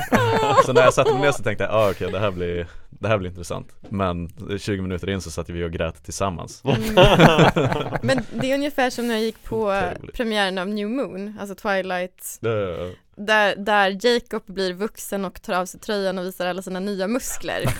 och det, det gick, det var ju också typ så här, jag som ändå var äl, alltså äldre än alla andra då, Mm. eh, och de här, så här tonårstjejerna som bara tappade. Mm. och det ger ju någonting för jag hade absolut inte liksom Nej, blivit lika meddragen om jag hade suttit hemma och kollat själv. Så jag bara, Mm. så, ja, tar av sig tröjan. Så. här. Men där var det så att de bara, Ett av de stora biohistoriska ögonblicken. Ja. Men man- vet det verkligen sjukt. aldrig vad man får Minns när jag såg Desolation of Smaug Det var Mm. på Sergel Mm. Eh, Och då var det något, det var något grabbgäng typ 10-12 år gamla Som satt och bara hade en diskussion i hela filmen. Vilket typ var tur för att det, var ju då Hobbit började bli Då. tveksamt. Mm. De hade bara en diskussion om bara så här bara, nej du fattar inte, han håller tillbaka Gandalf. Han kan göra massa galen skit men han gör inte. För att han är för Han är Han för, han är för stark liksom. Mm. Eh, Och så du vet såhär uh, Någonstans när Smaug kommer fram så var det ju någon som pruttade jättehögt. Uh, det, alltså, det var verkligen så Och vissa hade ju, vissa hade ju kokat av det där Ja. Men då kunde jag bara sitta och typ Ja den här filmen är ju inte Jag missar inte Konungens återkomst Nej. Utan jag missar Smaugs ödemark Mm, mm, mm. Ja, Ja, gud Ah, shit. Nej men så Smile är väl mitt lite uh, antitips med många asterisker Moonage är ett innerligt tips och Rogue Heroes är bara så Jag skiter om ni gör det nu eller under jullovet men Den ska ses. ni, ni kommer omöjligt att gå därifrån och vara så här oj Gustav tappar. Han tappar. Det, det tips är jag rätt säker på. Okej, fan, härligt. Ja. Eh, Sen har jag en massa fler grejer men det, jag kommer återkomma till det senare i avsnittet Okej, tror jag. Trevligt, trevligt. Mm. Mm. Jakob, vad har du gjort? Ja, oj alltså vilka inlagor ni kommer med. Jag tycker det är härligt, väldigt bra. Matigt och eh, får ju alltid med mig så mycket. Nej men jag har gjort, eh, jag har faktiskt också sett jättemycket saker men jag tänker göra ett urval bara. Mm. Eh, jag tror också att lite såhär halvt antitips och sen så har jag ett helhjärtat tips och sen så har jag några korta omnämnanden. Andor har vi redan eh, tagit upp. Jag Mm. också sett, det är ju min serie Tove vill inte se den, så det är min serie som jag kollar på själv. Och det är också den här serien där jag, liksom, jag måste se det precis när det kommer. Samma dag, det spelar ingen roll hur trött jag är eller liksom om jag går och lägger ja, Så det är den serien jag tittar på på min platta på kvällen liksom själv. Vill hon inte se den eller vill hon inte se den liksom med en fas? Är hon... Nej, hon är bara Star Wars trött. Ah, okej. Så Mm. att hon, hon bara, jag hoppar den här, du kan ta Precis den. som många andra. Ja. Mm. Ja. Eh, ja, men jag har sagt flera gånger hur bra den är. Men har fortfarande inte. Varje morgon i köket när det står Ja. Om du bara hade sett det där avsnittet. oj, oj, oj. Gårdagens avsnitt alltså där när jag låg... Otroligt. Ja. Otroligt. Är du sugen idag? Jag kan börja om? Nej, fortfarande inte. Ja, nej, nej, nej, men alltså inte så, men bara så här, hon vill nog se den senare. Men, men så det är den jag njuter av själv, vilket det är härligt att ha en sån serie. Mm. Och det är härligt att ha en serie som man vet så här, jag är egentligen för trött för att se den, men jag vill se den direkt. Och så gör man det, och så ångrar man det inte. Underbart. Mm. Eh, men vi återkommer till den som sagt. Däremot eh, tillsammans så har vi ju tittat på eh, The Bear Mm. på Disney+. Plus. Ja, den ligger ju också på min lista. Är det någon som har sett den ännu? Ja. Gustav? Jag räcker upp handen, det är ingen bra Jag har hört mycket om din den lista. och den ligger högt upp på Ja, listan. vi Den såg borde ligga den, högst upp vi såg klart den. Ja, igår. Jag tyckte den var jättebra. Mm. Mm. Mm. Förstår varför den har blivit så omtalad och hyllad och så vidare och så vidare. Jag vet inte vad det är riktigt. Den, det, det är ju liksom ska inte säga slice of life men det är ju lite så här, det är ju drama, vardagsdrama. Mm. Det finns inga Mm. ljussablar och rymdskepp Slice of life på upp och check Ja, och ingen kannibalism vad jag vet. Eh, du vet Med tanke Nej, men- på serien. Men Det är jag- liksom- mot slutet av den tänkte jag lite på hur, hur de filmade Att det, det Ja. är liksom ganska, ganska tätt inpå och väldigt eh, så här, ryckigt Mm. Det får, Yes. får det att kännas som att man verkligen Vi är så i med synk, där. det var precis vad jag skulle säga nu. Ja. Jag tycker att film, äh, filmandet är liksom jätte, jättebra. De fångar den här liksom extrema stressen av att jobba i ett kök. Ja, och jag bara så här, man, näst sista avsnittet, det är bara så här ett otroligt långt adrenalinpåslag. Jag mådde så dåligt efteråt. Och bra. Jag Så märk- det jag är inte märkte mitt liv, ens. tack för det. Jag Ja, och märkte det var så kort. att uh, när sista avsnittet bara var en enda tagning Mm. Ja, det kändes ju som att så här, när det var slut, jag bara så här, "Oj, men var inte det här bara liksom början av avsnittet? Sen bara, nej det var hela avsnittet. det var på så länge. Så otroligt eh, bra. Och fantastiska skådespelarinsatser. Jag känner Mm, inte igen någon. Otroligt Är det också på, är det på HBO? Det är, detta är på Disney+. Disney Plus. Ja. Han som spelar brorsan är ju med i Andor också Mhm. Är han det? Ja, Ja, vem Det spelar han där då? Eh, En av de här, eller ja nu ska jag inte Nej, säga någonting om- ja, ja, alltså Mike menar du? Mm. Ja, ja, precis, just det. Honom ser man ju inte så jätteofta. Men precis, Nej. han är med. Mm. Exakt, jag tror du menade kusinen. Nej, nej, nej. Kus- Han är inte med. Kusinen är ju den bästa i den där serien Men han, han var det enda ansiktet jag egentligen kände igen Ja. Förutom då Mike, Mm. Jag är också så fantastiskt imponerad av uh, Ayo Debiri som spelar, jag vet inte vad hon heter men hon som är liksom Sydney Ja, Sydney, Mm, precis. mm, Eh, Och hon var jag tvungen att kolla upp, hon är med i Hon har skrivit för What We Do In The Shadows Oh. Just det. Och hon är med i Dickens, annan har hon inte varit med i någonting jag tycker hon också är så här, oh, den här Alla personen kommer bli otroliga. extremt stor mm. Eh, Och det kommer ju en säsong två också Mm. eh, Tror jag, så att jag ser verkligen fram emot den mm. Eh, Och också, så, jag vet inte, jag vill bara inte vara kock Det har jag aldrig känt att jag vill. Så Nej, fort man ser men man blir inspirerad kockserier till eller filmer så bara, Nej. nej. Men jag blir också så här, jag har ju någon sorts horn i sidan av att det är ju inte bara i fiktion utan också i alla dokumentärer så framställer man ju alltid kockar som så här lidande genier Mm. och konstnärer och jag kan bara tycka att det här är väl inte riktigt Det är bara alltid. lidelse Ja, ja, men det här är ju verkligen så här, det är mest att han lider och jag förstår varför och liksom, men den är så fantastisk, den handlar ju om om familj och relationer och, Mm. livet Mm. handlar ju den här serien. Så att, bra tips, jag ger det till alla lyssnare och till Amanda. Mhm. Och jag känner att jag Det har er med hända. mig. Mm, mm, mm, mm. Så att super, superbra. Den är ju verkligen, eh, man kan ju tillägga det, det är sju avsnitt, uh, 30 minuter styck. Ja. Så det är inget sånt stort. Man bränner den på en helg om man, Man vill. bränner den på, Mm. verkligen på en helg om man vill och det kanske är det bästa sättet att se den på. Mm. Och den är ju sjukt bra temposatt. För man Ja, tänker liksom fantastiskt. 30 minuter, det är inte mycket. Nej. Men de hinner Ja, med absolut. otroligt mycket Ja. utan att det känns stressat. Mm. Ja. Eller ja, det är ju stressat i, i, i köket. Alltså, avsnittet Det finns känns inget, det finns inget fett, det är så trimmat att det Mm. inte är sant. Men de hinner med att ge alla de här, vad är det liksom 10-12 personerna Alla får liksom uppmärksamhet, alla känner alla på, på den korta Mm. säsongen Vi tog typ två avsnitt per kväll Mm. Det var också väldigt lagom Mm. och jättebra Jag tyckte att det var så, äh, äh, Caroline Ringqvist Ferrara-Nåli mm, En av dina Ringskog, favoriter förlåt, Ringskog. Mm. Åh, tänk om hon lyssnar. Eh, hon recenserade i eh, podden som hon har med Liv Strömquist. Varg, En varg söker En sin varg podd. söker sin podd.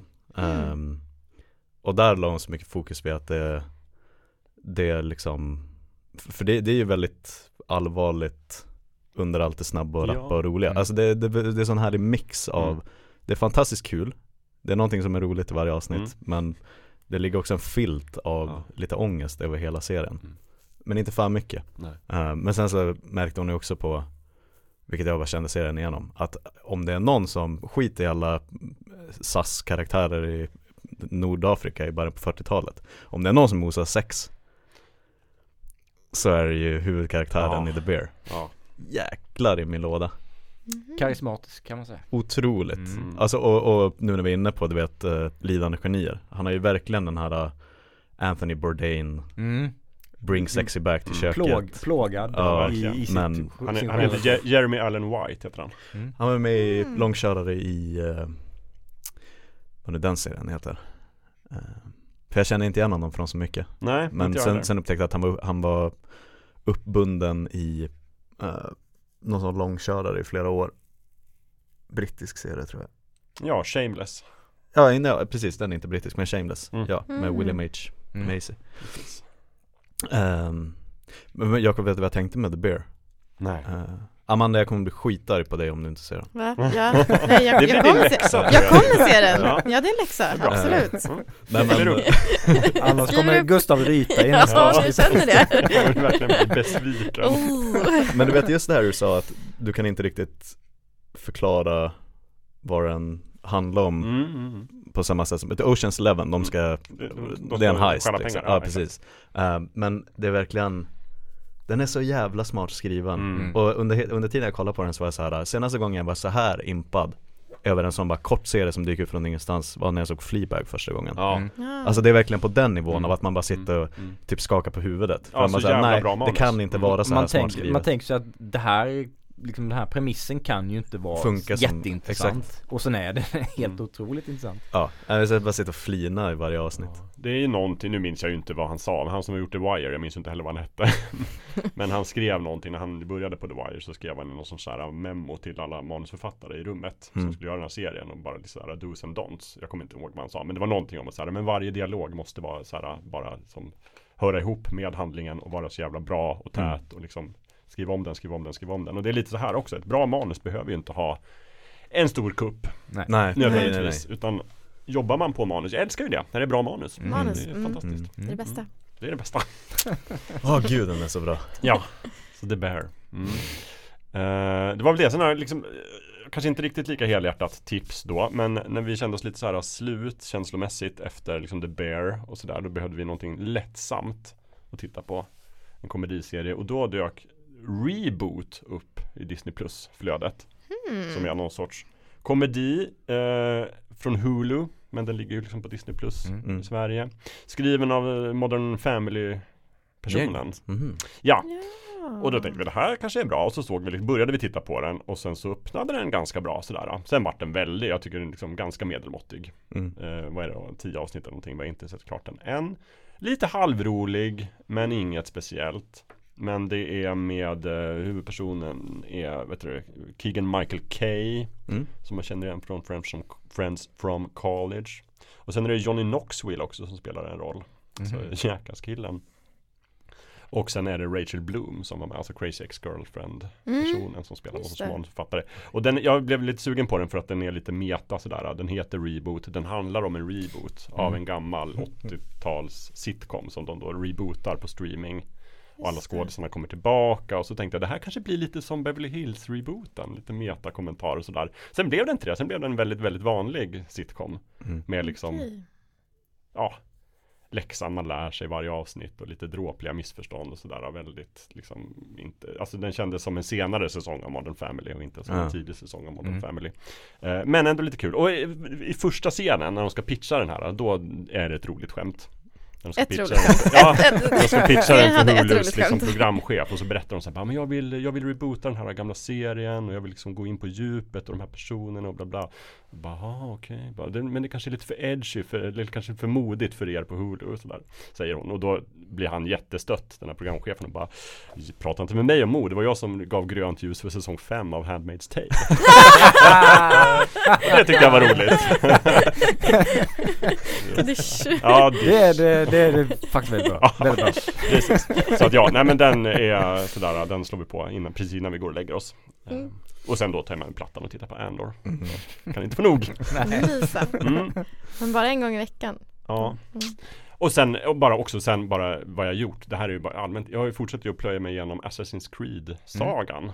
Som jag har berättat om tidigare. Jaha. Jag har ju spelat Assassin's Creed 1 på min Xbox för ett tag sedan. Och nu har jag precis blivit klar med Assassin's Creed 2. Som där alla Assassin's Creed visade sig finns ju på vad heter det? Playstation Now? Mm. Säkert. Mm. Någon sorts, där man får spela. Man betalar och sen får man spela. Som Men- Game Pass. Playstation Ja.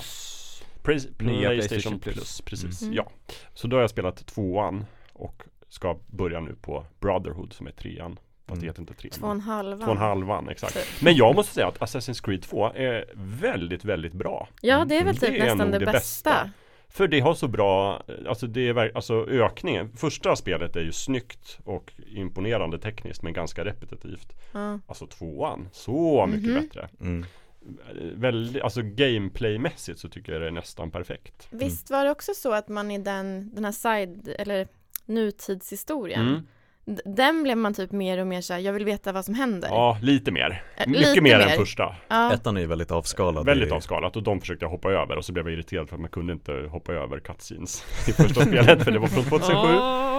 Och i andra spelet så var det så okej jag fick faktiskt spela Desmond och det var lite intressant sådär. Mm. Och, men, och de ökar liksom hela storyn. Man, den är ju jönsig men hela det här med Templars och Assassins Mm. och den hemliga historien. Och Mm. Varenda känd historisk person var antingen Templar eller Assassin. Ja, Men det är väldigt matinéigt Det är väldigt matinéigt men också hela det, det gifter sig så bra med den här liksom eh, renässans-Italien och så och fortfarande otroligt snygga Venedig och Florens och sådär Mm. som man springer omkring i och Ezio är en fantastisk karaktär Mm. och det finns alltid något att göra och man kan göra huvuduppdragen och man kan göra side missions och jag, liksom, jag tänkte så här att jag skulle snabbspela alla Assassin's Creed bara Mm. men jag köpte massa målningar och skattkartor och jagade massa sidequests näst, nästan 100% av det spelet faktiskt. Oj. Jättekul, Mm. väldigt bra. Nej. Så att det var härligt. Man min, jag kom, tog mig tillbaka till 2009 eller när det var. Mm. Vet du vad det bästa är Jakob? Nej. Du kommer att tycka att Assassin's Creed 2 är det bästa Fram till att du spelar Brotherhood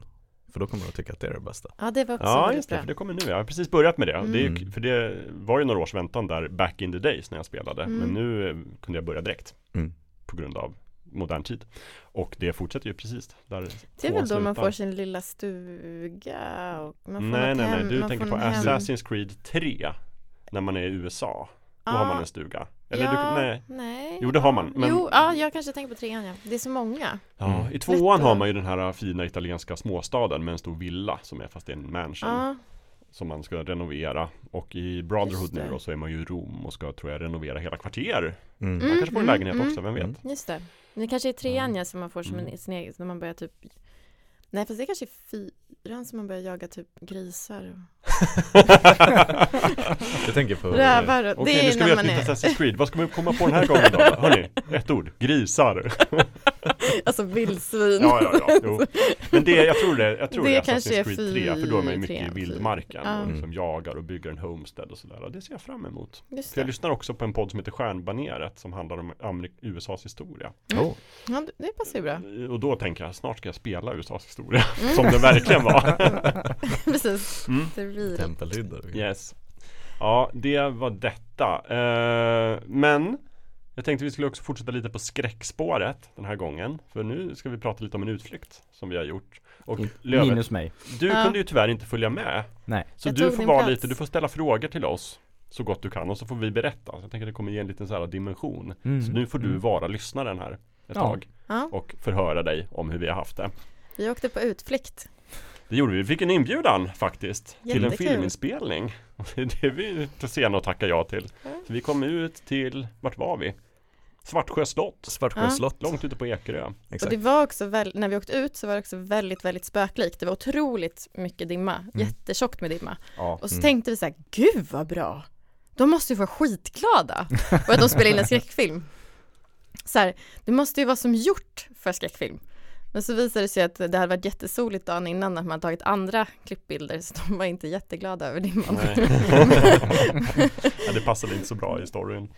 Så produktionsmässigt så. Men det var väldigt, det är, det är så jävla många broar på väg ut till slottet Det var Mm. verkligen som eh, att man kör i Rainbow Road i Mm. Mario Kart Mm. Man såg liksom inte vattnet under eller himlen ovanför Det var utan bara, Mm. Kändes som starten på en Ari Aster-rulle faktiskt Mm.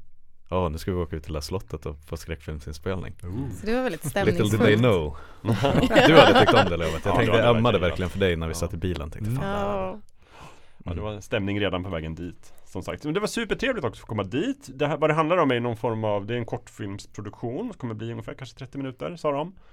Eh, gjort som någon slags CV för det här gänget då liksom. Och det är väldigt mycket kanske ett passionsprojekt. mm. Eh, men det är ju Andreas Gaufin heter han som är skrivit manus. Och som regissör så är det Fredrik Hiller. Mm. Som har varit inblandade i lite olika produktioner. Bland annat tror jag Beowulf. Mm. Hollywoodproduktion. Och det är ganska mycket, mycket kända namn med. Som Ja. har jobbat på, någon som hade jobbat mycket på kända The Vikings. produktioner. Ja, mm. och lite så. Men många gör liksom eh, det här Lite pro bono Lite pro bono, Vi precis. ska skratta, eh, sk- skämtade om det att Andreas har ringt in alla tjänster Ja, precis. möjliga Just det. Men ja det var verkligen alltså eh, För den typen av produktioner var otroligt kreddig rollista Mm. Mm. och så verkar det som att alla har hoppat in med hjärta och själ och glädje Ja, liksom. verkligen. Ska vi bara nämna några skådisar så Mm. är det ju Leif André är med i en liten roll. eh, Kim Sulocki är med i en liten roll. Och sen så har vi ju eh, Jenny Dramé spelar väl en av de stora rollerna. Vilka har vi mer? Din favorit. Ja, favorit. min favorit Antonio Di Ponciano Som är verkligen för mig alltså, Du blev lite starstruck Jag då. blev lite stark Men han var också så gudomligt trevlig Han var jätte, Fantastiskt jättetrevlig. han tog emot Ja. oss väldigt väl och stod och Med pratade öppna med oss armar. Mm. Ja, ja, men jag såg ju honom i, i TV, den gamla klassiska tv-serien Storstad, en av de tidiga svenska tv-såporna. Mm. Där han spelade en karaktär som heter Sandro Benucci. Och redan då så slogs jag av hur sympatisk han verkade. Ja. För att han, jag tyckte han var så, alltså jag var ju väldigt ung när kom den, kanske, alltså det här är 90-tal. Mm. Tidigt Så jag var ja. 10-11 år. Men jag tyckte bara att han såg så otroligt snygg och sympatisk ut i den. Eh, och nu har jag träffat honom i verkligheten och tänker bara, han är Han precis lika lika, trevlig. sympatisk som, som Sandro Benucci. Unda, Undantaget till det här Never meet your heroes Ja. Mantrat Ja, sen har han gjort jättemycket annat. Han har i, i Vendetta, Mm. Hamilton-filmen. Han har spelat i Snöänglar.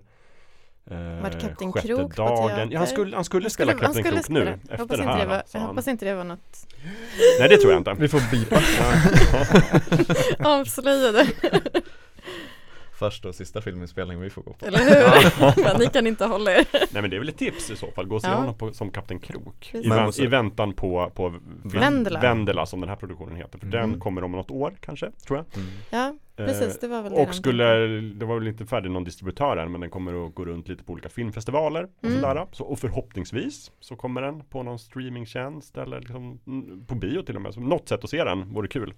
Och vi blev också lovade att få gå på premiären sen när Mm. den är, så då kommer vi Precis. också kunna Ja, jag är inte vi du då. Lövet. Nej. Nej jag skojar, jag trodde att du får med. du får gå på Stockholms Det filmfestival och se den. Mm. jag, jag skickade ju med en fråga eh, som ni ställde där, så jag, indirekt kanske jag var med på det här här besöket. Mm. Och den, den frågan ställde vi. Ja, Vi ja, kommer ja. ihåg Mm, den, mm. ja. Precis. Eh, för jag kan ju nämna också.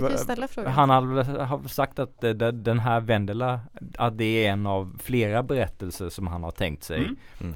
eh, Och att han skulle kunna tänka sig eh, Att berätta flera historier om, om det liksom blir möjligt Och då var ju mer, för det, det här är ju en slags Skräckdrama eh, typ, eller? Ja, han använde också begreppet ah, Andreas, mysrysligt Mm. Mysigt. väldigt mycket. Mm. Men, men den, det, det kommer vara lite både och tror vi. Mm. Ja, Inslag av, inslag av väldigt så grafiskt jobbiga eh, saker. j- Jobbiga saker, Mm. blod och mysrys. Mm. Så du kommer få the best of both worlds hoppas vi. Mm. Och då, då var ju min fråga De här olika berättelserna han har tänkt sig Är det typ som Att det är en antologi Att det är olika berättelser som inte har någonting med varandra att göra Eller har de någon slags eh, eh, gemensam röd tråd? Någon sån här Gofen eh, Cinematic Universe eh, grej. Eh, Det var min fråga. Precis, ja och, och, men det är mer som antologi mm. tror jag. Mm. Eh, Men det Så var liksom lite samma värld där så det skulle kunna finnas kopplingar. Okej. Men det var inte Fast mer så här som den här karaktären är med inte i samma avs- olika avsnitt och sådär utan mera som att eh, Mera antologi Mm. taken, vilket väl är ganska vanligt vid skräckfilm Mm, som mm. det Absolut. som.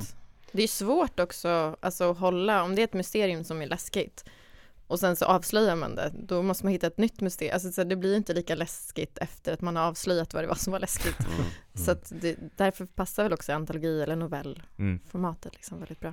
Och så kan man väl kanske inte Nu vet jag inte hur, hur det här är skrivet men om, om, om man inte vet om man kommer få göra fler delar så, kan, så är det väl svårt att hänga upp delar av berättelser och karaktärer på att det ska komma andra delar också. Mm. Mm. Men han verkar, vara, han verkar vara ett stort, stort fan av kluriga Easter eggs. Mhm. Så Mm. det om någonting tror jag, ifall det blir fler delar efter Vendela. Ja, det berättade han lite om Mm, vad han hade för påskägg. Att det är lite så olika planteringar. In, inte verkligen slå, på näsan Nej, nej. tydligt men om någonting oavsett om det blir ett Inte cinematic, smile- inte cinematic smile universe eller, nej precis, inte, inte smile tydligt eh, så eh, gissar jag att det åtminstone blir ett en stor dos små påskägg Mm. Mm. Det var också kul att få gå runt, för de visade ju runt oss här, på olika ställen de hade spelat in på, hur slottet såg ut och liksom olika scener och sådär. Och först fick vi gå runt på våningen, så här, och så visade han runt och sa det här händer det här och så här, här kommer det här hända och sådär. Och sen så tog han ju med oss ner i, i källar, mm. där det också hade varit en fängelsehåla, på Mm. riktigt. Mm. Det var läskigt tyckte jag. och det var väldigt lätt, som för först när vi gick in så gick vi in liksom en bit och visade, ja men här har vi spelat in. Och så stod vi och snackade där nere rätt länge. Och sen så när vi skulle ut så gick det liksom typ två steg och så kände jag att jag hade gått vilse. Ja. Det var direkt, åh nej! Nu Kommer monster. aldrig komma ut därifrån.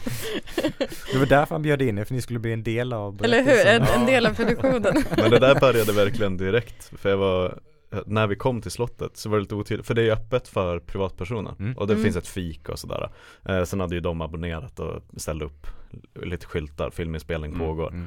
Eh, Men när vi kom dit, jag var eh, gravt bakis den här dagen Eh, Så när vi kom dit så ville jag köpa en San Pellegrino Så vi gick I in, kaféet. i, vi gick in i slottet och så tog vi en vänster och en höger och kom till kaféet Och så sen så halsade jag i med en San Pellegrino Och så sen på vägen ut igen Då var det, det var någon dörr som hade blivit stängd Så då Ja. stod vi verkligen där och var så här. Var ska Vad vi fan? nu? vi var ju här. Kom vi här? Ja, precis. Så det var verkligen, det hängde något lite skräckfilmsskimmer över hela dagen Ja, På något metaplan Men det var ju, eh, ja vilken miljö Alltså väldigt tacksam, Mm. tacksamt ställe att spela in Spela in en skräckfilm Mm. Ja, verkligen. Jag för mig, eh, när- när han skickade någon, någon länk eh, när han bjöd in oss. Eh, var det någonting om att han hade visat eh, den här manusidén för någon, någon kontakt? Nej men exakt, jag kan dra det lite snabbt Mm. Gör det. Han hade ju börjat träna sig i konsten att skriva filmmanus Mm. Eh, Så har han suttit och arbetat på det här manuset för Vendela Mm. Och så sen för att få feedback mest tror jag för att eh, Fredrik Hiller eh, då Beowulf och eh, Vikings men han är även eh, lärare Just eller, det, på. Mm. filmskolan Så han delade det med honom för att få feedback Och då var det tydligen så bra så att Hiller sa Fan det här måste vi spela in Mm. Och så hoppade han på som regissör Ehm, Så det, på den vägen var det Så det är Mm. verkligen ett eh, Jag antar att alla, film, alla filmproduktioner förutom liksom Marvel-rullar som har en sån tydlig mall som de bara stampar Mm. ner över skådisarna och alla som är med i produktionen eh, Så var det en, det var där det startade egentligen Mm. Och så sen så har de bara ringt upp en i taget och fått dem att haka på Ja. Och det var ju roligt när vi pratade med Antonio också så frågade vi så här, vad var det roligaste, liksom vad var det du fastnade för? Varför Mm. ville du vara med? Ja men det var så bra manus. Mm. Mm. Så eh, det- är jättebra. Nu blir jag pepp. Eller hur? Ja, Mm. nu vill jag se den här. Ja. Ja. Men det märktes, alltså, vi fick ju mycket tid med Antonio som sagt Mm. Han gjorde ju verkligen intryck på oss alla Mm. Han är en väldigt fin människa Men det, jag fick också känslan av att eh, alla som var där var där av egen fri vilja Mm.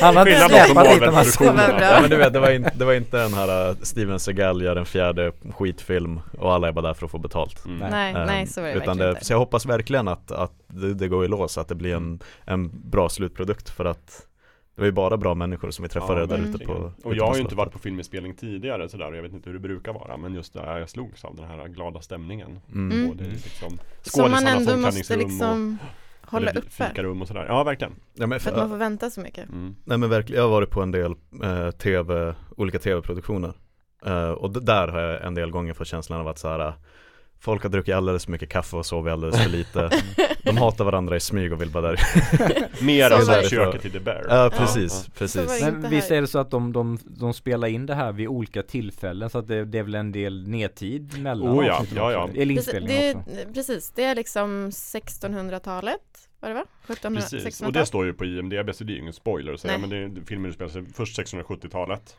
Första delen och sen andra delen är modern tid Och då har liksom det här slottet blivit ett hotell. Mm. Händer saker. Mm, da, da, da. Ja och du var ju också, du hade ju Jag hade ju en tjatat Ja, i bilen. Din dröm var ju att träffa Leif, Leif André, André. Han hade ju redan spelat in Men det visade sig att han hade liksom en Nej. väldigt liten roll och den hade han spelat in för några dagar sedan och det var verkligen snabbt, snabbt så att jag fick inte träffa Leif Men André. du dolde din besvikelse bra Ja men jag är ändå väldigt glad för att jag fick ju träffa Antonio istället och han var Ja. jättetrevlig så Ja. det, jag var jättenöjd ändå. Och du kanske får träffa honom på premiären Kanske Ja, också var. Men han var så snäll för att det var liksom, han var verkligen så här, oj ska jag byta om så att jag får liksom, så att ni kan fota med rätt kläder och så här. Nej men det gör jag, inga problem så här. Och sen så stod vi och ställde typ tusen frågor, han liksom svarade på alla lika så här, ja ja, inga problem, svara här. Nej men jag tänkte om, om man hade spelat in allting i ett, i ett svep Då är det ju lättare att, att eh, komma tillsammans som en, som en grupp Men att, de, att det var så bra stämning Mm. trots att de spelar in det vid, vid olika tillfällen Mm. Det, Ja, det talar ju mycket att- för att det, det Ja, är verkligen. bra Jag tror att stämning de flesta gänget. känner ju också varandra i, med, från produktioner tidigare liksom Mm. och teatersammanhang Exakt. och Ja, och, och, och det är ju samma crew liksom, filmare och, och ljudtekniker och regissör och sådär De tycker jag också höll ihop alltihopa väldigt Mm. bra, spred bra stämning Det var en häst på inspelningsplatsen Ja, också det idag, var det. den dagen när vi var där Det var andra gången han skulle rida. Vi fick titta på den viktiga hästscenen Japp. Ridade fram till slottet Ehm, sen, och, och som sagt just det här med dagen som den blev när vi var ute och hälsade på. Vi hade ju oturen av att dimman kom och kröp in och Mm. gjorde det svårt för dem att komma till skott med scenerna utomhus då för att det matchade inte med inomhusscenerna som de har gjort eh, dagen innan. Ehm, så det blir kanske mer så än vad det nödvändigtvis hade behövt vara. Men man slås ju av hur eh, lågintensivt det kan vara att spela in film och väldigt mycket vänta Mm. På timmar ja. på att spela in en scen som i slutprodukten kanske kommer vara 7-8 sekunder lång. Mm. Mm. Ehm, så du vet för det första var hittar man pengar till att spela in film? För det andra var hittar man folk att spela in filmen? Mm. Mm. Både framför och bakom kameran. Det är så många rörliga delar. Ja, Och så sen när, det väl, när allting är på plats så är det liksom det, det kan vara rulla, rulla tummarna en hel dag och vänta på den här perfekta, nu kan vi spela in ja. en Ja, kort scen de, utan för De har repliker ingen typ. produktion, inget produktionsbolag i ryggen med det här ja de har sitt Inte eget det är Ja. Det är ett eget, ja. Ja. Mm. Så då, då får Ja. de själva finansiera det här Mm. Mm. Yes. Mm. Men de var verkligen sådär att vi hopp, alltså att de tänkte att de gjorde ett riktigt maffigt eh, Mm. CV för att sen kunna få. Mm. Och eh, de har ett Mm. Instagramkonto också, Gaufin Produktion tror jag de heter Så vi länkar till det Mm. Vår länklista Det ska vi göra. på. Mm. Nej men det finns ju, det finns ju en eh, känd reklamfilm med, av och med Wes Anderson för Visa eller Mastercard tror jag Ja med Där är tåget det, Nej, där hela reklamfilmen är där han går runt på en av sina filminspelningar Mm. Och det är bara så här om man har sett början av Moonrise Kingdom i det här scoutlägret mm. Så är det exakt så, han bara går runt på liksom planen, saker händer hela tiden, folk kommer fram till honom, Mm. ger några papper, någonting har gått snett, någonting exploderar i bakgrunden Mm. Och han bara går runt och liksom styr och är det, så här. det var precis så på inspelningsplatsen Ja, Folk ja. springer fram och tillbaka, pratar med, med walkie-talkie med varandra Ja, jag gillade walkie-talkiesarna. Ja, det var coolt Andreas, nu har, häst, nu har Mm. hästen fått hö Ja, bra, check, Bra, Ja, check. Huset, bra, Ja. perfekt ja. ja. Nej, Kan ni backa där lite, måste skuggorna syns i bort. bild ja. Ja, precis. ja, skuggorna, vi fick ställa oss jättelångt bort för vi, det var liksom Då hade solen ändå, för det var väl typ Amanda vid försökte två vara i bild hela tiden. Någonting. Sprang och försökte. Nej men och då så var liksom, då var skuggorna väldigt, väldigt, väldigt långa. Mm. Så vi fick ställa oss väldigt, väldigt, väldigt långt bort för att våra skuggor inte skulle synas. Mm. Sen så ställde vi oss bakom kameran, så då behövde vi inte bry oss lika mycket om. Men jag mig det är många, många funktioner, individer som, som måste tagga igång om de säger, ja nu, nu är förhållandet rätt, liksom, Mm. nu ska vi köra. Mm. Då är, det, ju- då är det inte bara skådespelarna som ska komma igång. Nej men det är ju alltså, åh, bara en till sån grej, bara mängd, mängden folk Alltså fi, film Jag sa det jag tror film och kärlek tarvar tid, och Mm. mat Mm. tarvar också tid Men film speciellt, alltså kärlek och mat kan man ju klara sig på två personer Men bara, även en sån här slimmad produktion Så vad var det, det var ett 30-tal bakom kameran och allt som hade 30-tal framför kameran. Kanske till och med mer, kanske till och med lowballer ännu Men att det är så många människor som är involverad eh, Säger väldigt mycket om hur Hur otroligt osannolikt att, att vi faktiskt får några filmer eller tv-serier Ja, ja. Ja, gud, det är helt sjukt. fascinerande Mm. Att det händer, mm. får ihop det Mm. Men sen en annan grej som jag också tyckte var så intressant för vi pratade såklart mycket om Det var ju maffigt, jag hade tyckt att det var maffigt att åka ut till Svartsjö slott Med eller utan filminspelning Bara för att ta en fika Bara för att ta en Mm. fika typ, Mm. alltså det är väl, en väldigt läcker miljö Mm. Ehm, Jag bara slås av hur mycket man missar i, i och kring Stockholm För att man bara åker fram och tillbaka till jobbet och lägenheten Mm. Mm. Ehm, Men, för jag frågade nämligen Eftersom att då Ena halvan utspelar sig på sent 1600-tal eh, 1700-tal och andra i nutid Vad som var svårare att få till trovärdigt Scenerna back in the days Mm. eller scenerna i, i modern tid Och det var, det var intressant för de tyckte att det var, det var klurigare att få till ett trovärdigt hotell Mm. 2022 Mm. mm. Mhm. Än att få till För att det blir liksom mer som att så här, här har vi ställt fram ett bord som också ska vara en, del- alltså receptionen typ, Mm. alltså att Ja, det, ja, ja. Mm. det är mycket man, mer som ska Man har till mer referenspunkt till modern tid Ja. än Ja. hur det var Ja, på. är exakt. Mm. och att Då- man snabbare kanske så här, det där ser plojigt ut Ja. Eller så här, att det blir liksom, det blir mycket högre krav på att alla delar liksom Mm. ska se ut som det faktiskt skulle göra Mm. Mm. Jag tror det var mera typ dåtidsscener så kände Jag fick mera intrycket av att de var så här. äh, Vi plockade bort telefonen som satt på väggen Mm. och då var det liksom Perfekt Mm. um, Alltså väldigt Väldigt läckert att vara där Mm. ute jag, jag, kan, jag hoppas verkligen att det syns sen i slutprodukten Kulisserna och liksom att dekoren verkligen Mm. mm. lyser igenom Mm.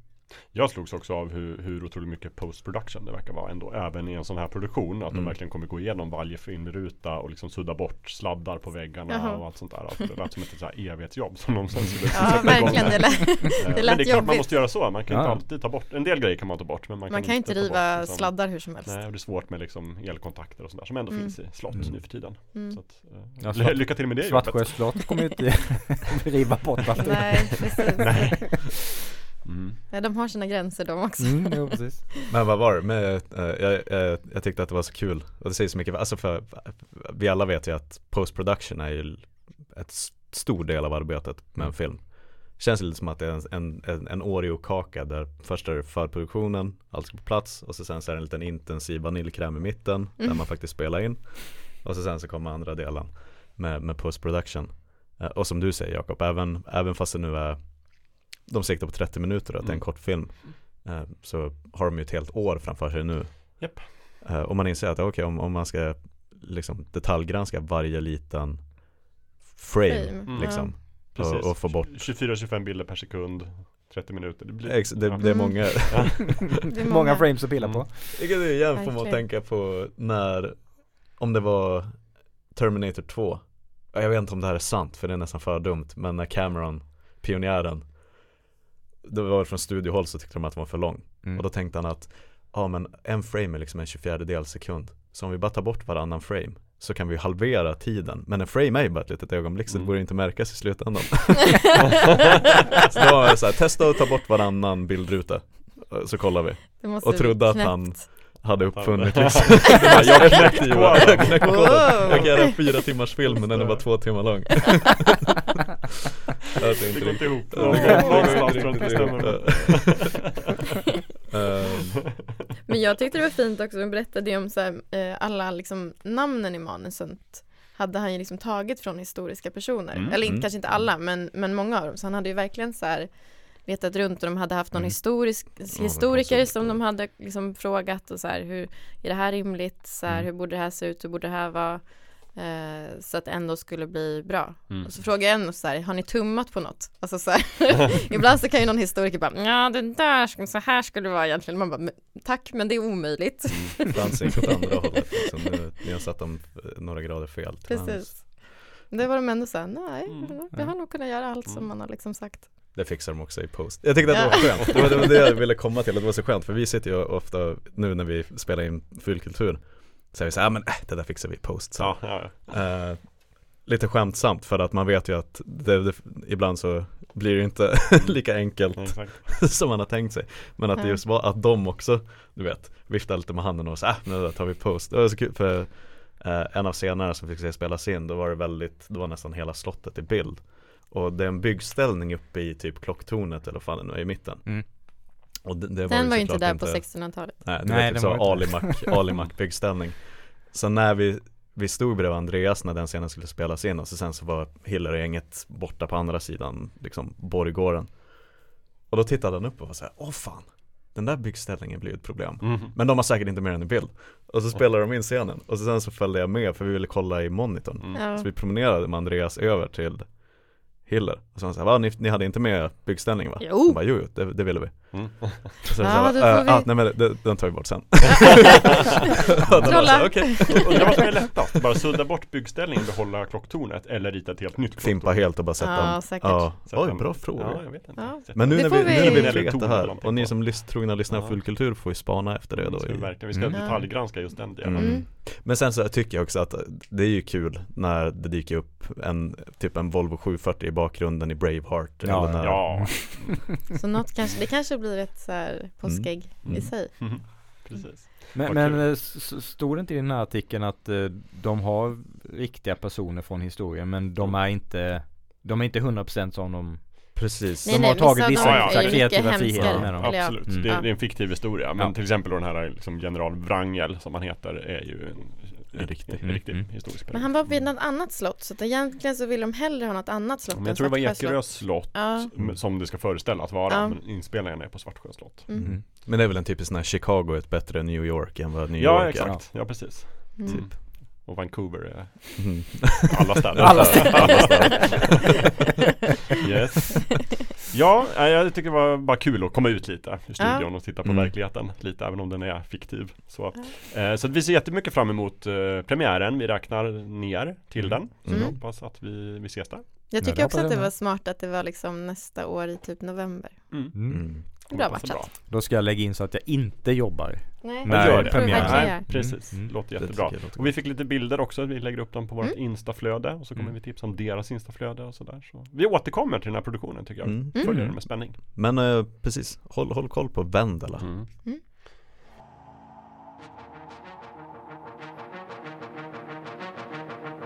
Fast and the Furious. Okej, eh, från en skräckupplevelse till en annan då. Jag har gjort min läxa och tittat på Too Fast, Too Furious. Jag har med mig papper här då för att komma ihåg alla namnen. Bra segway. Och en del av handlingen. Eh, jag- Det kommer finnas paus för frågor ibland sådär. Det här, det här är inte så mycket, det ser ut, jag har lunta papper Ja, men det kommer gå ganska snabbt, jag lovar. Eh, Jag såg ju för, förra avsnittet hade jag ju sett det första Som Mm. heter Death Fast and Death Furious mm. Jag fick aldrig riktigt klart för mig vem som var snabb och vem som var arg Jag tror de är båda två samtidigt Båda är Fast ja. and Furious. Ja, Samtidigt. just det. Både snabba och rasande. Precis. Men i den första filmen så fick vi ju följa undercover-snuten Brian O'Connor när han infiltrerade buset i Los Angeles. Men hittade en nära vänskap med gängledaren Dominic Toretto som är Vin Diesel. Eh, och som slutade med då att han gav honom en bil och hjälpte honom att fly. Eh, I den här filmen så är Brian O'Connor en före detta polis som Ja. försörjer sig som diversarbetare i Miami. Han bor i en verkstad som ägs av Tay Parker och Tay Parker jobbar inte så mycket i verkstaden utan han har några mest illegala bilrace och vattenskoterrace. Eh, FBI fångar in Brian och ger honom en deal om han går med på att infiltrera den argentinska drogbossen Carter Verone. Så kommer hans brottsregister att strykas. Han tar hjälp av sin barndomskompis Roman Pierce och träffar också den obligatoriskt sexiga Monica Fuentes som är hemlig agent för amerikanska tullverket. Mm, tullverk. Som också infiltrerat den här bossens innersta krets. Eh, många biljakter uppstår. Som Det sig är- bör. Det, det- jag tycker det är det en bra synopsis. sammanfattning av allt. Många biljakter Just det, inga frågor så långt. Sammanfattningen är klar där tycker Just jag. det. Nej men som ni minns så tyckte jag att den första filmen var en ganska underhållande, halvt orimlig tidig 2000-talsfilm. Ja. Men någon form av hjärta ändå. Eh, I den här filmen så har man slitit ut det hjärtat utan bedövning och injicerat extra mycket kväveoxid istället. Med det här hemliga medlet som gör att bilarna kan åka in i hyperspace. NOS Man trycker på NAS-knappen och då Blir, det, blir, blir det liksom eld? Det blir bak- eld, det blir gnistor, det blir 3D-effekter, bilarna åker supersnabbt. Jag vet Så. inte riktigt hur det går till men ja. Eh, det här är ett klassiskt exempel på en uppföljare där man gör allt större men sämre. Mm. Jakterna är tokigare, brottslingarna är elakare, den slentrianmässiga sexismen är mer framträdande, manuset är helt uppåt väggarna. Eh, jag har ingenting emot en film som saknar hjärnceller så länge det finns härliga karaktärer eller någon form av underhållningsvärde. Eh, nu såg jag Too Fast, Too Furious för några veckor sedan och jag kommer inte ihåg någonting alls när jag skulle skriva en en här. Så jag var tvungen att titta igen på filmen. Nej Snabbspola mig igenom den lite sådär för bara liksom Usch. kunna skriva ihop vad som hade hänt. Då passade jag också på att titta på den här korta förfilmen som finns som heter The Turbocharged Prelude for Too Fast, Too Furious. Är det någon som har sett den? Nu lär du mig någonting nytt om en serie jag trodde jag visste allt Den brukar ligga med som extra material på DVDn. Eh, Den finns också på YouTube. Den är ungefär sex minuter lång och det är liksom en brygga från första filmen till andra Är filmen. bryggan bra Där eller? vi då ska få reda på hur det kommer sig att Brian O'Connor hamnade i, Miami istället för Los Angeles.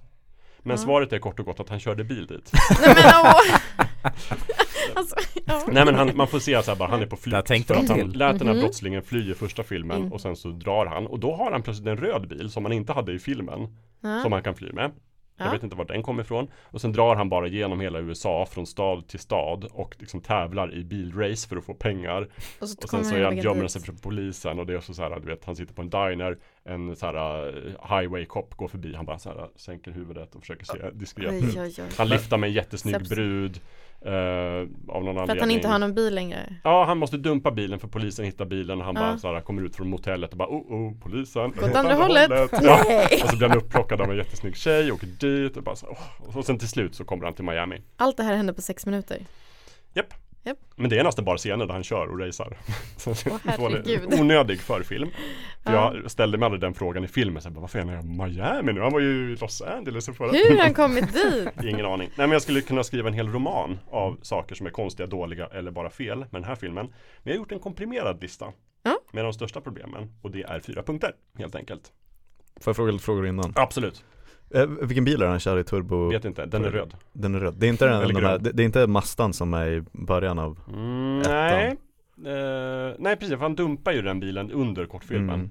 Mm. Mm. Den står typ bara i garaget i Los Angeles. Och jag fattar inte för ett av right. problemen i första filmen var att han inte hade någon bil. Men nu har han en bil. Mm. Så han kör iväg den. Han lämnar den i typ Las Vegas eller någonstans. Okej. Mhm. Fråga två. Mm. Eh, t- råttscenen måste du ha Ja. kommit ihåg. Mm. Även efter, Mm. du behövde inte se om för att minnas råttscenen. Nej det kommer jag ihåg. Den satte spår i mig. Mm, nu förstår jag. Den är lite eh, otäck. Det är en liten otäck scen med en råtta och en, En en För att visa hur ond den här bossen är så Mm, tar han exakt. en, en snut som han är liksom i korrupt och så bara Ja. så här, nu gör du som jag säger annars och sen så stoppar han en, en hungrig råtta på magen och stoppar en hink över och så börjar de elda på hinken och så bara den här råttan kommer äta sig igenom dig snart Gör du som jag säger? Han bara ja, Amanda, ja du såg precis en Jeffrey Dahmer Ja! ja, men, ja men, det, var, men det, det är typ som i, är det Snatch när han berättar hur, hur han gör sig av med sina Ja men Alltså med grisar. grisarna. Ja. Mm, mm. Äckligt. Djur som äter människor Ja, äckligt. Också människor som äter människor, all- alla som äter människor dåligt. Mm. Okej, det var frågan jag hade nu. Ja, eh, Andra frågor? typ de två egenskaperna jag minns med den filmen. Jag ska se om, om de finns med på din lista. Okej, ja. Jag minns att Tyrese Gibson säger massa one-liners hela Mm. tiden. Och att den känns som en musikvideo. Ja, men det gör den ju. Alltså första filmen kändes ju också som en musikvideo. Men Men den här ändå känns som mer en, två. en dålig musikvideo. Ja. Och jag, jag kommer till en del av de grejerna snart. Jag kan ju säga, jag har inte sett, no, alltså jag har sett, jag har sett kvart på första. Mm. Sen gav jag upp. Mm. Så att om du tyckte att första liksom ändå var sebar och Ja. tyckte att tvåan var helt omöjlig, då vill jag inte ens tänka på hur dålig den var. Det är många filmer kvar också i serien. Ja, jag jag har, vad jag har hört Mm. så är det här typ lågvattenmärke. Det, här- det är Mm, nog det är det den. Så märket. att, eh, jag är glad att jag Så man tar sig detta. förbi det Mm. så kommer Men också just det att det är som en musikvideo, det ser man också av att alla karaktärer när- de kan inte stå still när de pratar utan de står typ och dansar så här för att visa hur coola de är. Nej, Väldigt störande. åh Ja. gud. Första problemet är med karaktärerna och skådisarna. Mm. I en bra berättelse så ska ju karaktärerna ha tydliga mål, utsättas för hinder på vägen som de hanterar och växer med. Och så finns det som ett sätt att skapa konflikt och drama. Eh, karaktärsskildringen i Too Fast Too Furious får första filmen att likna Shakespeare. Det är så många stereotypa pappfigurer att det är nästan intressant i sig. Jag tror att det, det enda som växer hos karaktären är storleken på deras t-shirt Yes. alltså jag tycker Paul Walker som spelar huvudrollen, han är väl typ bäst. Och Eva Mendes som spelar den här snygga Tullverket-agenten, hon gör väl vad hon kan med liksom karaktärsbeskrivningen är två rader. Så bara, du är snygg undercover-agent. Och That's helt it. hjälplös för du är tjej. Mm. Så Mm. det är väl grejen liksom. Så mycket för undercover. Yes. Eh, allt annat är liksom nivå mellanstadie skolpjäs. Allra värst är ju skurken som är den här liksom hemska, onda Carter Verone. Om ni har sett Crocodile Dundee 2 från 88 så Ja. finns det ju en colombiansk Mm. drogboss där Mm. som heter Louis Rico. Men den här bossen får ju honom att likna något från Sopranos. Han är mycket, mycket bättre. Aj, aj, aj, aj. Annars är det ungefär samma karaktär. Hedersomnämnande också för, för då Tyrese Gibson som spelar den här Roman Pierce. Här är liksom dealen att han har ett horn i sidan till O'Connor, hans gamla barndomskompis, för att han känner sig sviken av honom, för det är hans fel att han satt i fängelset. Eh, och jag förstår manusmässigt annars inte riktigt varför han måste vara med i filmen överhuvudtaget. Förutom just att liksom lägga till det här dramat mellan dem. Men det är så framtvingat och överspelat att det blir löjligt. För det ska liksom föreställa att han är så arg på honom så att när de först träffas efter flera år så hoppar han på honom och de ska slåss. Och, och det är flera scener där de liksom zoomar in på honom och där han berättar om hur han inte kan lita på den här personen för det är hans fel att du sitter i fängelse och sådär. Men så fort de spelar in en annan scen Mm. där det handlar om något annat, när de ska typ gå från en bil eller till en bil eller in i en bil eller köra bil. Så ser man bara att han är så jätteglad att vara där. Och de Nej! sitter och skojar med varandra och sådär. Jag tror att det, jag vet inte om det är liksom Fast men jag tror att de tänkte, för du kommer väl att komma till Ja. att det är inte så mycket Vin Diesel i den här filmen Det är ingen Vin Diesel. Exakt De saknar, man Um, saknar honom. Så jag inbillar mig att de tänkte att formen kanske krävde två män och så finns det någon sån konstig sexuell laddning Ja, mellan men dem det och bara det att det är bilarna. liksom så här, bara i den här scenen, nu ska du komma ihåg att du är arg och besviken på den här personen. Mm. Så bara, ja just det. Så, men sen så får han inte den påminnelsen när de spelar in en annan scen och då glömmer han bort det. Men jag vet inte om det är liksom skådisen som är så glad att vara på en filminspelning. eller om det är karaktären som är så glad att han inte då, för att han har ju husarrest mm. i en husbil. Ah. Och, och han får ju samma deal då, du, får- ditt brottsregister stryks om du liksom jag fattar inte hur det fungerar att ha en, alltså man kan inte ha en fotboja och vara i husarrest och bo i en husbil. Man kan inte komma runt problemet på det sättet. Är ni, är ni Ja precis, hemmet? för då är Ja, han i sitt men- hem. Ja, men du kan köra vart du vill. Men det är ju typ att vara fri nästan. Ja. Fast Ja, du blir trackad. Så jag undrar ju varför han går med på den här dealen. För det känns ju som att han har redan avtjänat. Han har redan suttit tre år i fängelset och avtjänat. Eller har han gjort någonting annat brott som ska strykas som vi aldrig får reda på. Men det berättar de inte i filmen. Väldigt oklart. De förlitar sig på att publiken ska tänka lite själva Just det. Ja. Som ni märker så kommer vi in här på punkt två. Manuset. Ingen som har jobbat med filmen tycker att det är nödvändigt att skriva in förklaringar till varför olika saker händer i filmen. Vi förväntas bara köpa det eftersom att varenda sak i filmen är grejer som man har sett tusen gånger förut. Man måste gå undercover för att avslöja en droghandlare. Check. Klassiskt. Men FBI har redan jättemycket folk som är undercover redan hos den här bossen. Alltså det bara dyker upp hela tiden. Typ trädgårdsmästaren hemma hos honom visar sig vara en undercover-agent. Det är ingen som är ringa in- undercover. När handlingen kräver det så kan han liksom ringa in och berätta vad som händer hos bossen. Och som sagt, Tullverket har planterat en av sina bästa agenter som hans flickvän. Så att de är liksom inne i den innersta kretsen. Jag förstår Fast inte hon varför också är då FBI hjälplös för hon är kvinna. Ja, Ja. men jag fattar inte varför FBI behöver två stycken duktiga bilförare för att liksom avslöja den här personen. Nej. Det är någonting, jag fattar inte plotten, det är någonting med att han har gömt en massa pengar någonstans som de behöver hitta för att kunna slå till mot honom. Då behöver hon köra bil. Men i slutet av filmen så gör FBI ett tillslag när han ska åka iväg med ett jet på flygplatsen. Och sen visar det sig att han inte är där. Men då har han absolut inte pengarna där. Så de behövde liksom inte det. Så jag fattar inte. Varför arresterar de inte honom i början av filmen? De verkar ju veta att han är en skurk redan. De kanske använder Ja. gamla klassiska verktyget because reasons. Ja, det måste vara because reasons. Mm. Och sen undrar jag, å andra sidan, varför behöver den här uh, Carter Verone, den här drogbossen, varför måste han anlita två nya helt okända bilförare för att göra den här väldigt diffusa hämtningen av de här väldigt diffusa pengarna som är gömda någonstans? Varför kan han inte bara anlita hans betrodda personal som finns? Därför att de följer ändå med i bilarna för att hålla koll på de här nya killarna. Men de kanske inte är lika bra på att köra bil. De är väldigt bra på att köra bil i bil. Mm. I, för det är en massa biljakter hela tiden i den här filmen. Så man ser att de tävlar med varandra. De är extremt duktiga. De Allihopa. nästan vinner över huvudpersonerna. Ja, det är konstigt. Och sen så undrar jag också varför är FBI så dumma att de går in med poliser och vapen när de tror, för det första som händer är att, att den här bossen tänker sig vi måste göra ett test på er, ni får köra jättesnabbt hit och hämta en grej. Och sen så gör de det. Och polisen som bevakar dem, som har satt spårsändare i bilarna, självklart, tror att de flyr. Och bara så här, ah, de flyr, så de kommer in med vapen direkt. Varför gör de det när det är en undercover operation? Ja. De får ju ändå någonstans vara committa till den. Eh, För de nästan förstör ju det. De måste förklara, Åh, hur kom det sig att polisen kom när ni var där? Så bara, och så måste För de skjuta mot fort. polisen för att visa att de är skurkar Fast det var en fake Och sen så blir polisen arga för att de sköt på dem när de gick in Alltså, Men det är för att få den här obligatoriska scenen när den som är undercover ringer och skitar på sin handledare Ja. och säger att de är dumma i huvudet. eh, att de exakt. gick över gränsen. Precis, för det Mm. Ja då har vi det, det var därför Lämnar det till mig Mm. Och sen så undrar jag också då Varför går Monica Fuentes, Tullverket-agenten och Brian O'Connor, snuten undercover Varför går de runt och pratar hela tiden om att de är agenter? Och har varit poliser och allt som har hänt och sådär De går och diskuterar det helt öppet när de är undercover De är på Det en fest där bossen är med De bara här, bla bla bla en gång i tiden Mitt polis, den där personen han litar inte på poliser för jag är polis och jag är agent Det ska man inte göra när man är undercover Det är en dålig, ja, ja. eh, objektivt dåligt. Regin. Jag tycker att det är uppenbart att hela poängen med den här filmen är att visa en massa bilar som åker väldigt snabbt. Och då hade det varit toppen om man kunde se bilarna någon gång Och få någon sorts känsla för hur, liksom, hur de ska åka och vart de är i förhållande till varandra Så att man känner spänningen. Det är liksom, det har de missat. För det, det enda man ser är en massa korta inzoomningar på hur de växlar och liksom hur de gasar och hur de ser in i backspegeln så här. Det är väldigt mycket närbilder, det är så otroligt svårt att hänga med i biljakterna som är det centrala. Huva, noll känsla, Trå- omöjligt att hänga med Tråkigt. Jakob, skulle du säga att det här liksom, det låter lite grann som så här en porrfilm där man har liksom dialog för att kunna göra det som, man alltså som folk egentligen vill se och att de egentligen bara då vill visa bilar som kör snabbt fast inte riktigt. Mm. Ja, men det är Och som sen att de så har gjort en bygger de porrfilm hand- och sen så fast så fort de ska på visa liksom dålig sexscenerna så, så bara dimmar de ut och visar den här immiga spegeln istället och en hand. Det är skitdålig! Jag är dålig på det också. Och så sista punkten då, sista punkten, fjärde som är min favorit då, världsbygget som ni vet att jag gillar ett bra världsbygge. Ja. Mm. Jag tycker att, alltså min tolkning är att Fast and the Furious universumet är en parallell verklighet. Där det inte finns varken bioindustri eller bollsport. För alla som bor här, det enda de verkar hålla på med är att köra bilar. bilar. och tävla. Mm. Och att i varenda stad, i varenda natt så är det illegala street race nattetid. Jag fattar inte det. För i första filmen så var det någon sorts specialgrej också att Brian O'Connor så här, han satte sin egen bil som insats i ett race.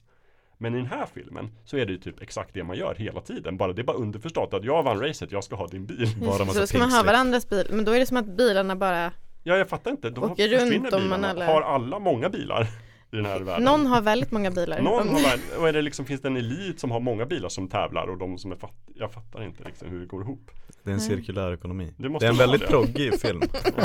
eh, måste jag säga. Och det är också väldigt tydligt i den här förfilmen där han åker liksom från stad till stad och överallt är det race hela tiden. Så det är bara så här, jag har inga pengar, okej jag är med i racet, jag vinner, så nu har jag pengar. Gud, jag är orimligt irriterad på mig måste- själv att jag inte har sett den. Jag måste säga att så här, jag bor ju nära Älvsjömässan. Mm, där är det Där street är det race. race. Ja, Där hör man. illegala Nu hör man race. så här, bara, nu är det de som har race Okej, igen. ja, ja, men jag Så hör man polisen. Så det kanske inte är så overkligt som Men det du är som att tror det skulle vara i varje Stockholmsförort Varje natt ja. Ja, Och sen fattar jag också så här Det är en storstad som Miami Det är ändå, vad är det, 500 000 invånare i stan Det är helt folktomt på natten. Förutom Ingen Det går ju bara pensionärer Och hur kommer det sig att Tay Parker som har en verkstad, hur har han makten att stänga av hela kvarter och rödljus? Bara för att han sätter upp några skyltar där, och då är det helt biltomt. Ingen kommer, det är ingen som ringer polisen heller. Eh, han, har, han har makten att styra om en broöppning Mm. för att göra Ja. det svårt. Så här, han höjer en Kontakter. bro. Jag Mm. fattar inte hur det går till. Spelas av Ludacris by the way Ja, Mm. exakt. I någon sorts genombrott. Och jag förstår att han kommer bli mer och mer viktig i, i sagan senare. Ja för världsbygget har inte börjat än det, Nej. De kom ju på världsbygget det sen känns som att de kom på det efter. Vi måste bygga en värld. Ja, Mm. Mm. För jag fattar också inte det här liksom nosmedlet, det här magiska Man trycker på knappen Nitrous och så oxide. injiceras kväveoxid i motorn och de kör hyperspace För de blir också så förvånade varje gång de trycker på ja den vet, knappen första gången Men de borde veta hur det går till mm. Ludicrous speed.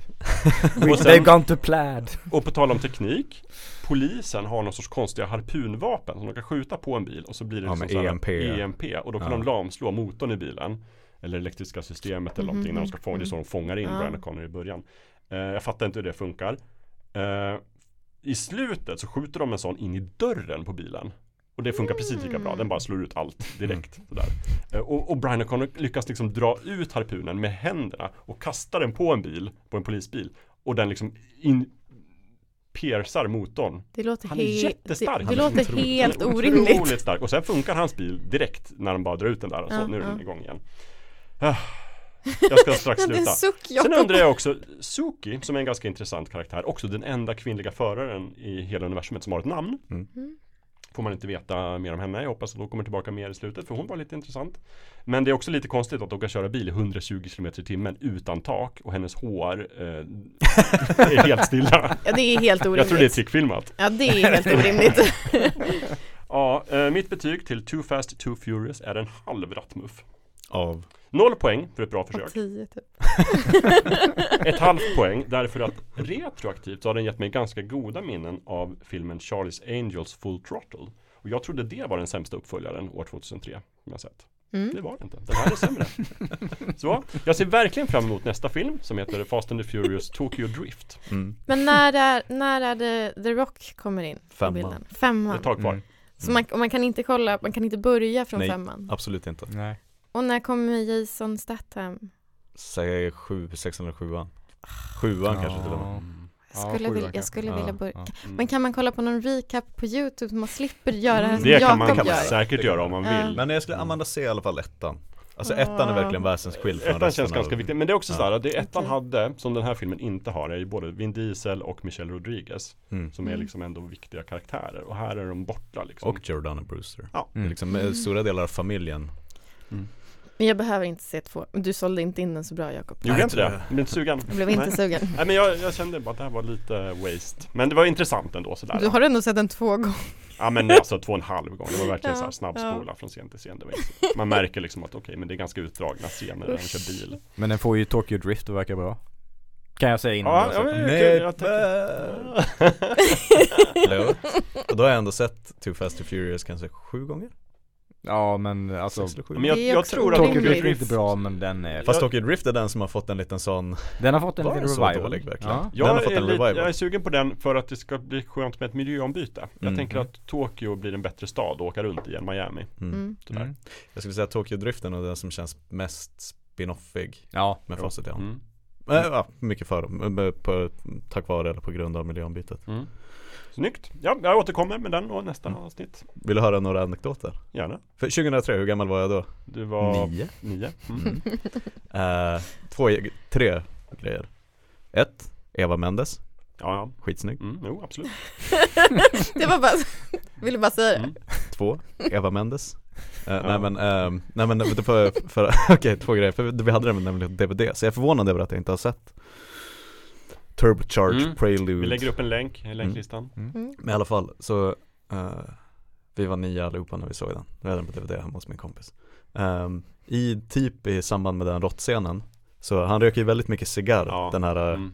ehm, Och i en av scenerna så vill han ha För att knipsa cigarren och den svenska översättningen var Kan du ge mig avsnopparen? Och det tyckte jag var fantastiskt Som nioåringar ja, Alltså vi absolut. pausade, spolade tillbaka, såg den Lyssnade på den igen Det heter avsnoppare skrattade Jo, så vet, jag vet. Jo, men det visste Men det inte vi när vi, vi, vi hade inte rökt så mycket cigarrer när vi var Absolut, absolut. Eh, Och så sen en annan Första gången vi skulle se den eller om det var andra eller tredje, jag vet inte fan Så hade vi råkat slå på ett annat språk i DVD-menyn Det var den danska. Eh, Så när vi slog på den så kom eh, Ludacris ut ur garaget där i början Filmen börjar med ett street race Det är då han skiftar om Börjar och brillorna slutar typ. och i mitten Exakt. Street Race Eh, och, och då kom han ut ur garaget, det är filmat med så här grodperspektiv liksom uppifrån så han ser väldigt stor ut Så klappar han med händerna Och så sen så är det skitdåligt dubbat när han bara skriker Jalla jalla motorindy mm. Istället för start your engines Ja, typ. ja, ja, just det Det skrattade vi också hysteriskt mycket åt Det var, det var skitkul Mm. Så jag har väldigt många sådana fina DVD-minnen Ja, med jag. polarna kring Ja. den här filmen Vi har ju varit inne på det här med formativa verk ofta sådär. Jag tror kanske man ska vara i rätt ålder Ja, jag här tror också filmen. att nio kanske är bättre. mm.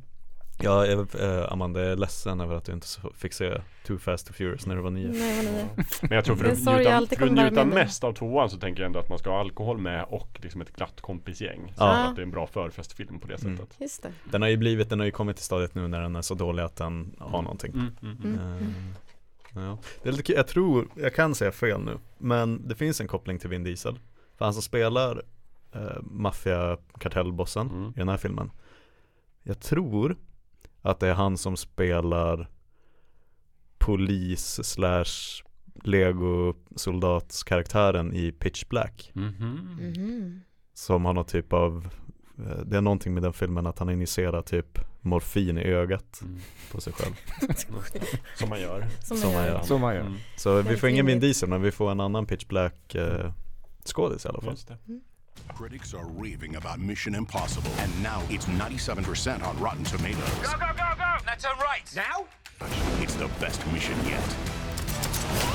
This is why you go to the movies. Or out?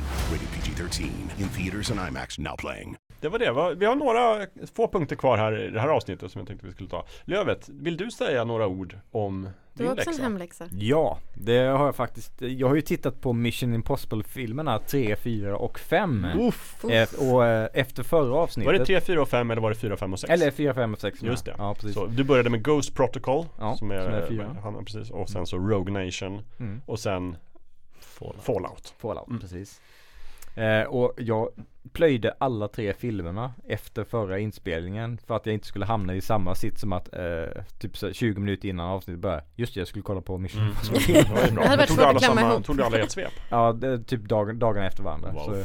En kväll Eller en hur? film, en kväll en film. Fy vad avis jag blir Mm. Ja, och, eh, och, och sen gjorde jag lite anteckningar på telefonen. Eh, Men så, i vanlig ordning så hade jag mycket jobb sådär så jag har inte gjort någonting mer än de här anteckningarna. Så nu när jag ska titta på anteckningarna så efter Mission Impossible 4 så här, dålig Bond i slutet. Va? Vad tänkte jag där? Oj. Ja, förmodligen att det blev som en dålig Bondfilm i slutet. Men jag kom på det sen. Ja, ja, ja. Eh, för eh, Ghost Protocol, eh, den följer ju upp på trean där, eh, där Ethan Hunt är i ett fängelse i, i början. Som han på, på ett väldigt Ethan Hunt-aktigt vis bryter sig ut när han har fått det han behöver därifrån. Eh, och eh, Sen är ju själva huvudhandlingen är ju att eh, IMF, deras eh, agentorganisation eh, åker dit. De blir eh, ditsatta för eh, någonting som de inte har gjort. Och så, så går resten av filmen ut på att de ska rentvå sitt namn. Just det, genom att aktivera då Ghost Protocol, eller hur? Exakt, Mm. exakt, exakt. Och rädda världen, det får du inte glömma Rädda världen i vanlig ordning. Eh, och eh, i, tidigt i filmen så stöter man ju på Lea Seydoux eh, karaktär. Den här franska skådespelerskan som jag tycker är fantastiskt bra. Mm. Jätte, jättebra. Och hon dödar en karaktär som jag trodde eh, som spelas av en, eh, en bra skådis. Jag tänkte att den här karaktären kommer vi få leva med i den här filmen. Men det fick vi inte. Det ska också säga att han var, han var nog på höjden av sin popularitet och Mm. kändhet På något sätt När han var med i den filmen Exakt. Det var en liten sån Ned Stark för huvudet Ja, och jag kan tänka mig om man såg den här filmen när den släpptes så blev man Mm. nog ännu mer överraskad över att jaha, okej. Mhm. Mm. Ehm, men sen under resten av filmen så slogs jag av den här tanken att det här är lite den här gränslar typ den gamla skolans den gamla skolans men typ Mission Impossible 1, 2 stuket av att typ Ethan Hunt och de här agenterna är ehm, lite som de dåliga Bond-filmerna i att de, de, det, det händer massa spektakulära saker i när de ska lösa de här olika situationerna och det nästan blir lite löjligt. Men sen har det också lite mer återhållsamma delar eh, s- som, är, som är bra. Det, är liksom- det, det är liksom välskrivet, välregisserat, eh, välskådespelat och så. Eh, men sen så kommer liksom så här en, en sandstorm som helt lägligt eh, dyker upp eh, när de håller på med någonting så att det blir spektakulära scener. Och då kunde jag bara sitta där och bara, eh, ja men eh, det här, det här känns ju inte eh, ja, det, det. Nej men det, det känns lite, lite löjligt överdrivet i Det som Bourne-filmerna gjorde bra var att de höll det ganska återhållsamt och lite mer jordnära Mm. i hur en, en jätte, jätteduktig agent skulle kunna göra saker och ting och det är liksom att Ethan Hunt bara kan frammana en sandstorm just i det tillfället för att det ska bli bra, bra film inom citationstecken.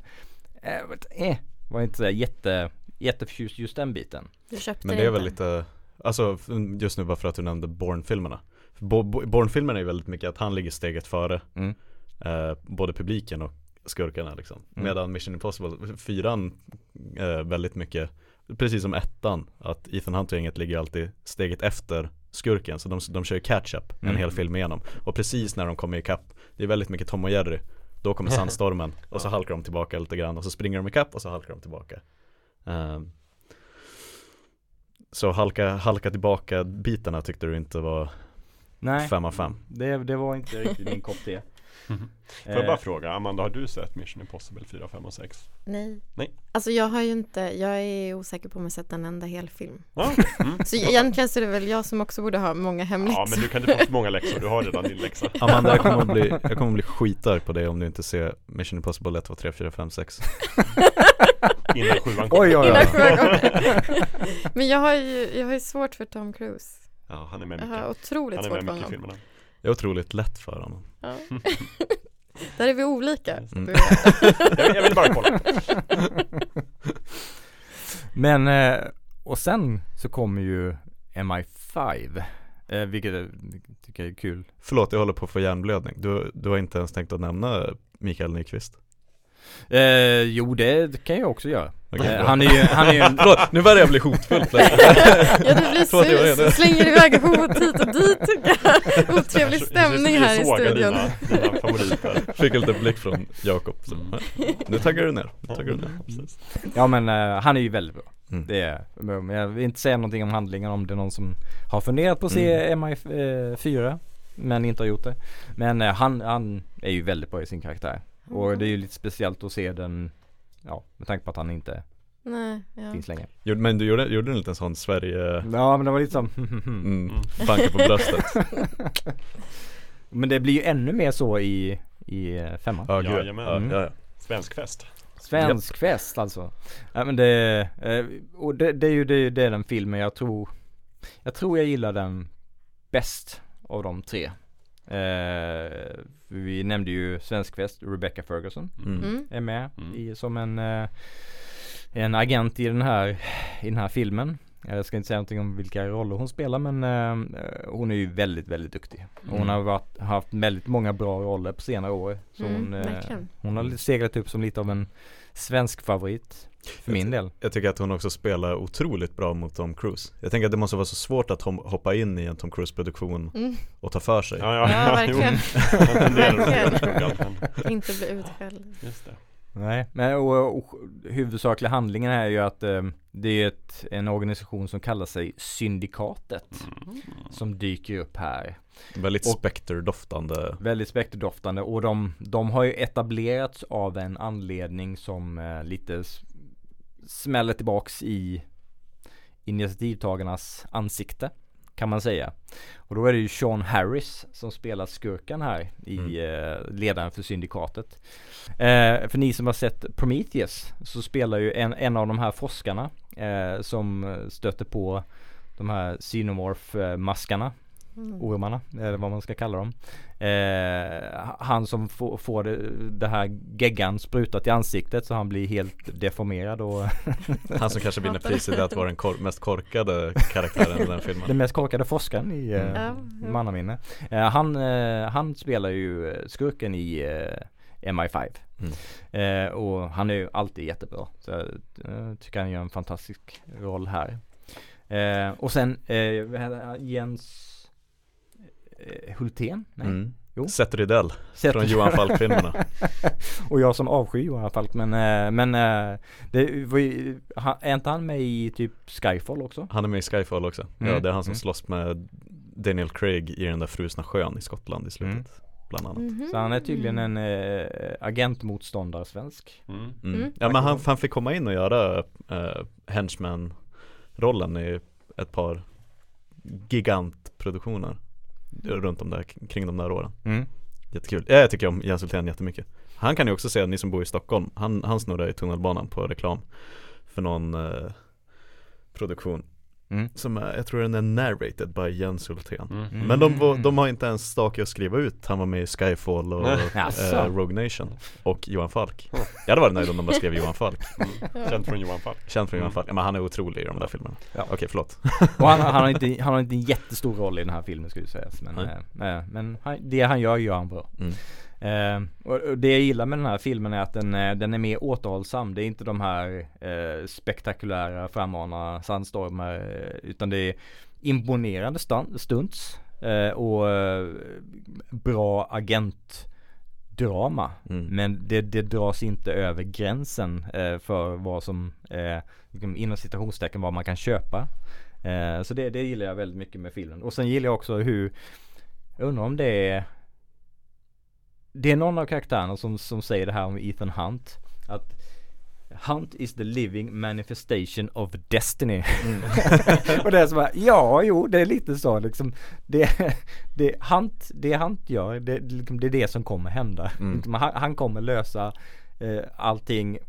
Man, man måste räkna med Ethan Hunt som, ett, som en faktor i allting, alla planer du upp, liksom upprättar liksom, Du måste räkna med Ethan Hunt, ödesfaktorn Ja, men, och, det, och det är ju för att du måste räkna med Tom Cruise också Mm. i, i, i, i verkliga livet Ja. det, är väldigt, det, är väldigt, det blir väldigt trovärdigt Mm. Han spelar ju, ja, Ethan Hunt kanske är den eh, rollen förutom Top Gun där han mest spelar sig själv Mm. Alltså jag, jag köper verkligen att allting, och, och det stämmer ju också, allting som Ethan Hunt gör i filmerna gör ju Tom Cruise Ja, ja, liksom, ja. så. Men visst är eh, det är en scen på en opera i Rogue Nation, visst är den fantastisk? Mm, den är jättebra. Den är jättebra. Och det, är- det är snyggt filmat och b- bra temposatt drama och så. Så att, Mm. eh, nej, men det, är, det är min favorit av dem, Mm. helt klart. Det är nog min favorit också faktiskt nästan. Mm. Mm.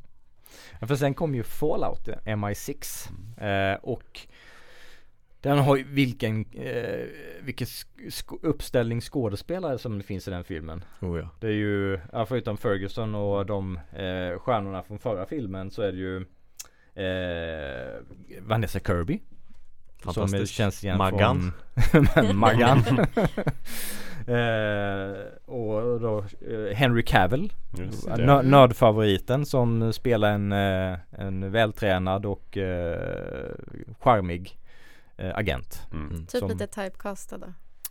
Kan man säga. Mm. Ja, mm, mm, mm. Med snygg mustasch Det var ju det med mustaschgate om du minns Ja, det Ja, det Där var han, det skulle vara, var- han skulle vara Stålmannen i eh, Justice League Då Men han det skulle ha en sån frodig mustasch i Mission Impossible så de var tvungna att CGI den Varje Som de- bildruta. Som de gjorde på ett sida. väldigt, Det väldigt blev inte dåligt heller sätt så bra. Nej det blev inte så bra. Nej, nej. Det var väl där de, det var någon som bara med en vanlig så här, desktop-dator för typ 5000 eh, Eller om de hade en grafikkort för 5000 Det var någonting att det var, in, det var en dator med inte så dyr hårdvara var Och de gjorde ett edge. bättre jobb Ja. med, den här fil- med den här filmen Jag tror också, jag följer en YouTube-kanal som heter Corridor Crew där de brukar prata väldigt mycket om specialeffekter och de ägnade ett helt avsnitt åt hans överläpp och mustasch. jag tror också de försökte göra en bättre version och det blev bättre. Alltså att det, det är ju fantastiska skådespelare i, i, i den filmen och det är också snygg produktion med bra stunts. Men eh, själva huvudhandlingen är ju att det har ju blivit en slags avknoppar organisation till syndikatet eh, som jag inte riktigt minns vad den organisationen heter. Lilla syndikatet. Ja men det är bara plocka Syndikatet från Junior. Syndikatet stiftelsen, syndikatet eh, Spectre. ja. Ja, nå- någonting. Eh, och och de, de, det här är ju en, det de ska göra mot världen är ju ännu mer dramatiskt än i förra Mm. filmen och det är ju jättestort hot. Eh, som, eh, som, som det, det är en bra plot device. Det, det får jag ändå säga även om jag tycker att den kan, det var lite mer återhållsamt och greppbart i, i föregångaren. Men någonting jag tänkte på eh, Förutom att själva premissen är lite lånad från föregångaren. Där med Mm. att ja, det, är- det är det är typ syndikatet fast en annan del av Precis, syndikatet. det är lite typ att eh, Freddy Krueger dog inte helt och hållet Mm, och nu är han tillbaka precis. Ehm, Nu ska jag göra någonting annorlunda fast ändå typ samma. ja. Eh, men någonting jag verkligen tänkte på som lite tog mig ur upplevelsen var att det, det är många switcheroos. Folk som byter mask, tar på sig masker och ska vara någon annan Mm. och sen så bara Nu är jag lojal med dig men haha det var jag faktiskt inte alls för jag är lojal med den här. Bara, du, du tror att det var jag men nej det var den här karaktären med mask. Haha. Lite slå i dörrar-fars nästan. Ja nästan lite så. Och jag så här bara, men, Eva Rydberg kom Ja. Kommer ut på scenen. verkligen svensk Ja, fest. ja.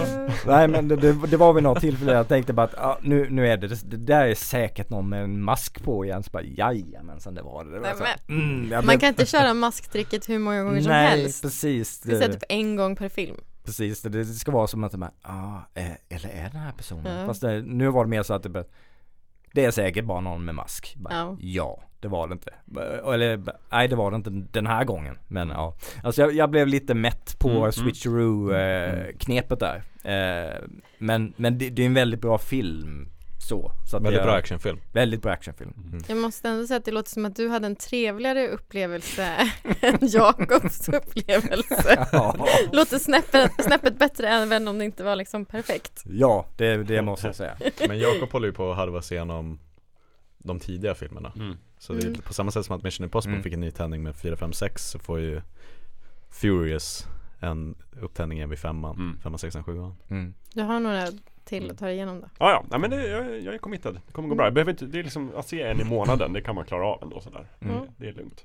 Men, Men jag, hopp, jag hoppas att den utvecklingen från att typ fyran kändes som ett mellansteg mellan de gamla filmerna och det här nya, mm. lite mer seriösa, återhållsamma stilen. Hoppas att den fortsätter för då kan ju sjuan bli riktigt bra också. Mm. Dead Reckoning Part 1 Mm. Just Så man trasslar in sig i ja. titelträsket Ja. lite grann Men Hallå, eh, la du märke till den mest uppmärksammade scenen i den där filmen? Den kommer du att tycka om Amanda uh, Henry Cavill Ja, ja, ja. han, han laddar om sina Han laddar biceps sina guns. Oj! Och eh, jag menar, har, han, han gjorde någonting, jag tror, jag tror storyn är att han bara gjorde improviserat Nej nej, alltså, Det är verkligen som att han alltså, laddade om en pistol storyn är att han, eh, de hade, de hade spelat in ett, ett Ja, par exakt. scener som Ja. var väldigt påfrestande Så de här senorna i armarna började bli ganska slitna Mm. Exakt han, han gjorde en grej liksom i armarna bara för att liksom Tjuck tjuck! Ja. få, få Det igång verkar som att han, verkligen som att han hade tag i livet Och Tom Cruise bara så, "Men vad fan gjorde du där? Ja, men, gör, gör igen, gör igen! Ja, exakt. Men det ser ju jättebra ut i filmen Så Ja. jag kan fatta att de bara, vad var det? Ja, det var Gör det igen. Det kör Ja. vi Ja, Och jag tror i, i trailern så har de till och med lagt på något En ljudeffekt Ja, också så att det verkligen hålla sig. Nej, Ja. kunde inte hålla sig måste på. Det här måste jag Hela youtuba. youtube exploderade Ja, såklart. mm. Jag, jag tror min, mitt svår, det som jag har svårast för med sexan är, är Alec Baldwin Som CIA-chef Jag har så svårt att ta Mm. honom på allvar Jag, jag såg för mycket 30 Rock liksom när den kom jag, jag har bara så svårt att köpa honom i någonting som överhuvudtaget är på allvar Han har precis lämnat Liz Lemon Ja, men det är lite sådär, va? Eh, För Men- att han spelar ganska hemmigt också alltid Det är hans, Ja. liksom, mm. Ja, han är Ja. lite hemlig. Han är bättre i, han är bättre i femman Mm. än sexan Mm. Men ja, ja han, han, han sticker ut lite Mm. grann mot alla andra Och han är ju också en del av det där switcheroo Ja, han, han, faller off, han, han hamnar ju verkligen i skottlinjen för Mm. switcheroo-hysterin mm. Kanske inte så konstigt. mm. Prognos då i sjuan så kommer det vara en som har en mask Som är en annan mask Mm. Dun, dun, dun, Kanske till och med tre lager Tre mask. lager mask Bara står, håller på Gör de inte en dubbelmask i tvåan? Jo de gör kanske det, jag vet inte Det, för övrigt Lövet, är det inte mer, alltså om, om det är, en- de är ändå i Dubai Alltså Mm. där är det sandstorm. Den kanske kommer lite väl Jo, ja, den kommer ju men- väldigt lämpligt. Men för mig är det större mysterium varför det är eh, vita duvor överallt i Mission Impossible 2 För John Woo. Ja, jo, såklart.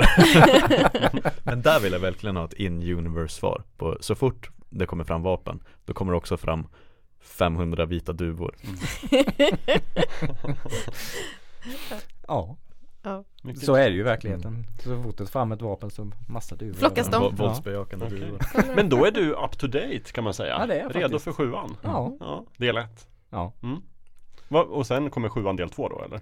Ja, precis Eller den 2023, kommer- Är det slut sen? 2023 kommer Dead Reckoning Part 1 vet? 2024 är det nog spesat att Part 2 kommer Mm. Ehm, Men exakt, vem vet? Jag tror de Mm. kommer att köra, de kommer att tuta och köra tills ett stunt går fel och Tom Cruise inte längre kan kan För jag tänker mig att så här, part 1 och part 2 det brukar komma i slutet, alltså som Mm. Harry Potter eller Twilight Mm. eller så, här. så då känns det som att de har lagt upp det för att det här Mm. kommer de två sista. Det kan Om de inte gör en fuling då pandemi. bara haha skoja vi fortsätter. Ja. Men det har de gjort 18 gånger redan Ja. de, de, Hälften av filmerna slutar med att säga ah, tack för det, nu ses vi aldrig mer och så Jo. sen så ses Men det är också så här när Tom Cruise vaknar en morgon och känner bara fan det vore gött att göra en Mission Impossible film. Då ringer han ett samtal och sen är det en ny film på gång. Mm. Så att det, det är så de jobbar. finansierar liksom mycket själv Nej men jag, jag, jag, jag, jag okej Nu ska jag inte svara säkert eftersom att jag inte vet Men det kan också vara, jag vet inte hur sent påtänkt det var att det skulle vara part 1, part 2 Eh, Men jag bara flaggar för att det var en pandemi och att de kanske Tom Cruise, Adrenaline Junkie satt där och var så här Ja vi måste jobba på någonting, fuck it, vi, vi har två Eh, Och att det kanske är därför, jag vet Mm. inte Mm. ja. Yes. Så länge de är så här bra så kan jag ta 15 till Mission Impossible Ja, jag tycker de har väldigt högt underhållningsvärde och det Mm. gillar jag ju. Till skillnad från andra filmer jag skulle kunna Så, Jag är mer då- sugen på att göra Lövets läxa än. Just eh, Hade du något Gustav i slutet så här? Mm. Jag sa ju till dig, du insisterade ju, så då sa jag släng in någonting om slussportar Ja precis, jag skrev det. Gustav om slussportar. Jag vet inte vad Jag det kanske, betyder. när jag sa slussportar kanske jag menade forsluckor Okej. Mm. Men vi kan ta båda två Visst. Båda två är väldigt viktiga delar av en fungerande sluss När såg ni en sluss senast by the way? Ja, vi ser den varje dag här Ja. Ja, utanför jobbet. jobbet. Slussen. Idag alltså Ja, idag. Vi kollar För kontext ska vi säga att det snöar väldigt, väldigt mycket i Stockholm idag när vi spelar in där Det är Ja. väldigt vackert ute Mm. SL-kaos. Mm. Ehm, Nej, men för att, okej det, det märks ju att vi alla är i någon typ av period, fulkulturfas i livet När forsluckorna verkligen står på vid gavel Och man bara konsumerar allt Mm. och lite till Blir ni någonsin klok på när de stängs och när de öppnas? För jag kan för mitt liv inte liksom, Jag vet hur det känns när det händer Åt båda hållen Jag vet hur det är när backloggen bara växer och man inte ser någonting Och så sen så vet jag hur det känns Som nu När man bara hugger The Bear och man går och kollar på Bowie-dokumentär och man ser Smile och man kollar på Rogue Hero Alltså alltihopa Mm. och jag har bara nämnt hälften av det jag har gjort liksom. Om man börjar läsa böcker och jag Mm. lyssnar en jävla massa på Fleetwood Mac nu, det har jag inte gjort på länge Mm. Allt händer liksom Men jag, jag vet att jag måste passa på att njuta nu För det kan också bli som det blev mellan Mars och september i år Där jag bara Ni tipsar om grejer eh, Folk tipsar i Slack Och man tänker bara, ja, ja jag, jag ska kolla på Det ska jag Mm. Men eh, jag tycker det man låter lite som ett så här säsongs, alltså jag tänker under vintern och hösten när vädret inte är så roligt då man kanske inte ut, alltså då kan man kanske inte, man är sugen på lika mycket Får man saker. med Jag tänker om just din period var mars till september mm. så kanske det finns ett förklarligt skäl till Mm. varför du inte liksom Ja, men, men jag, jag inte håller alltid så, det är med inte så alla år, men det känns som, grejen är att det känns som, det är inte att jag inte har tid Jag har definitivt tid, Ja. men, men det, är som, det är som skrivkramp För att jag sitter i valfri streamingtjänst och kollar på allting som jag vet att, ja det där har Jakob sagt att jag ska kolla på det där och Amanda Lööf tyckte om den där och sen har jag de där 14 serierna som jag själv har sett och tänkt Men jag bara försöker pejla in dig här. Känner du liksom någon sorts press att göra alla de här sakerna? Eller liksom att du njuter av att titta på alltihopa? Eller känner du, skulle Mm. du vilja dra igen dammluckorna lite? Nej, nej absolut inte Nej. alltså, Du vill ha dem nu- alltid nu- öppna. Ja, du vill ha jag, allt jag, vill ha, ja, fors, full fors? jag vill vara en perpetual state of flood Eh, okej. Men, ehm, men men känner ni någonsin samma sak? Att ni, det, är inte, det är inte humöret eller liksom intresset eller viljan, det är inte viljan som tryter Nej, ja, Lite så, the, the heart is willing, Nej, the men mind jag, is jag willing håller but the med. flesh is weak Typ från sommaren och en, en bra bit in på den här hösten har jag också haft så att det har varit mycket jag har velat titta på Mm. eller Mm. spela men jag inte riktigt tagit mig för det. Liksom det har varit mycket här, jobb och privat som, som ligger runt, runt hörnet. Jag känner att ah, men jag, jag, jag, jag får börja med det senare. Och så har det gått ganska långa perioder av att jag liksom Mm. inte riktigt ta, tagit tag i det. Och nu är det liksom som, du säger som att forsluckorna har öppnats. Ja, nu har jag kollat på jättemycket och spelat Mm. en Ja, del exakt. eh, bara de senaste typ två månaderna. Jag var dålig på, jag vet bara att det händer Det är som den där utskottet i USA på 90-talet eller vad det var Någon, någon senator som sa att uh, porr, du skulle definiera vad det var liksom Men han bara sa, jag, jag vet, jag vet det när jag ser det mm, precis. Jag kan inte förklara vad det är. men jag vet hur det känns när det händer Ja, och, Åt båda hållen som sagt Och nu är jag bara väldigt glad att jag är inne i en, en av de här maniska perioderna när allt händer jag- på samma gång Jag tänker också det, så att man brukar få som ett litet maniskt flow. Mm. Mm. mm. Där man får så mycket energi att kolla på någonting. För, jag kan, för mig blir det väldigt mycket beroende på hur liksom mycket jag känner att typ min hjärna orkar. Och ibland kan det vara så här, inte idag. Nu vill jag bara kolla på skräp. Mm. Nej, exakt. Mm, verkligen Och då försöker jag säga, okej, då gör vi det då. Mm. Okej hjärnan, jag går alltså, med. Jag köper det. Bara så att ni fattar, det är inte bara de här mm, maffiga grejerna som jag tipsade om utan också så här I förrgår så sträckkollade jag på en säsong av en serie som heter Deep State Som är på Disney Plus Bara någon sån typiskt agent, Mm. lite taken agentdrama med Mm. Mark Strong Och så sen så såg jag Klockan två i natt så slog jag på V för Vendetta för att den är så jävla bra Mm. Somnade halv fem i morse För att jag ville se den igen Mm. Eh, jag såg eh, Body of Lies, den här uh, spiontrillen med Leonardo DiCaprio och Russell Crowe Och Mark Strong igen Som utspelar sig i typ Irak, Iran Bra, men inte så här uh, speciell För att jag bara inte har något, jag har ingen hejd Det är för, det är för vilt Det är, bara, liksom Det är för vilt just nu i livet suger åt allting. Mm. Ja, eh, mina forsluckor är väl inte helt öppna så där. Jag är nog mer som du Amanda. Att man, Mm. så här, jag gör en bedömning varje kväll så här, okej vad, vad orkar hjärnan med? Och sen så blir det någonting. Så där, Mm. och sen så ofta är det bara, nej men vi får ta något. Vi måste sänka nivån här. Vi måste behöva något med lägre tröskel. Mm. Jag är också man det. väldigt mycket, det är ju en dag imorgon. Ja, nej men verkligen, verkligen en dag imorgon. Jag tänker också så här den här torra sommarperioden så tänker jag att jag kommer hinna ikapp mm. med det här. Men det är också så att man övar upp hjärnan på det. Alltså jag känner så, förlåt att jag tjatar om Andor hela tiden. Men jag, men jag känner så när jag kollar på den. Alltså, Ja, den här var en hög tröskel. Men jävlar vad den belönade mig. Nu, nu Mm. känner jag så här, men det, nu är jag inne i ett flow. Nu kan jag liksom ta, jag har till exempel, eh, vad heter den? Eh, Tinker Tailor Soldier Spy Mm. Har ju legat liggande jättelänge Ja, du jag har aldrig vet, sett den? Nej, och jag den är vet så att jag kommer älska Ja, den den är så Mm. bra. Jag är helt införstådd på vad det här kommer ge mig Men det är bara så här, jag Man inte måste- än Du är Men den inte ligger där, jag är riktigt- redo, när som Ja. helst Men man måste ha humöret. Ja, Det måste komma. man måste ha tid, ork och humör Mm. för Mm. den Ja, den känslan vet jag verkligen mm. Eh, Men jag blir aldrig klok Eh, Är det tanke som föder känsla eller känsla som föder tanke? Det är både och va? Eller är det ett cirkulärt Är det, cir- det är system? Jag cirkulärt? tänker, ja Mm. precis, att det liksom För att jag vet inte, jag, jag vet liksom inte vad som är hönan och ägget Jag skulle kunna säga, ja men jag satte, jag tvingade mig själv att se The Bear mm. och då, det, då exploderade forsluckorna Mm. Eller så hände det innan någonting i mig som gjorde att jag en dag plötsligt slog på The Bear Mm. och så fortsatte det därifrån Ja. Mm. Ja, Jag behövde få lite knuffar för The Bear till exempel så Mm. behövde Tove behövde säga men nu kör vi igång med den här Jag bara, Mm. jag vet att den kommer bra, jag orkar inte riktigt Hon bara, jo nu kör vi Och så gjorde vi det Mm. Och sen är man fast mm. Och det ofta är det hon som är min enabler på det sättet liksom. Mm. Så nu, är det dags, nu är det dags att ta en break från liksom alla rymdskepp och eh, vampyrer lite- ett tag. Nu ska vi kolla på någonting bra Restaurang i Ja, Chicago precis Så att, tack för det ja. Eh, på tal om eh, forsluckorna. Eh, en, en av många serier som jag tittat på för just för att forsluckorna öppna är den här Bodyguard.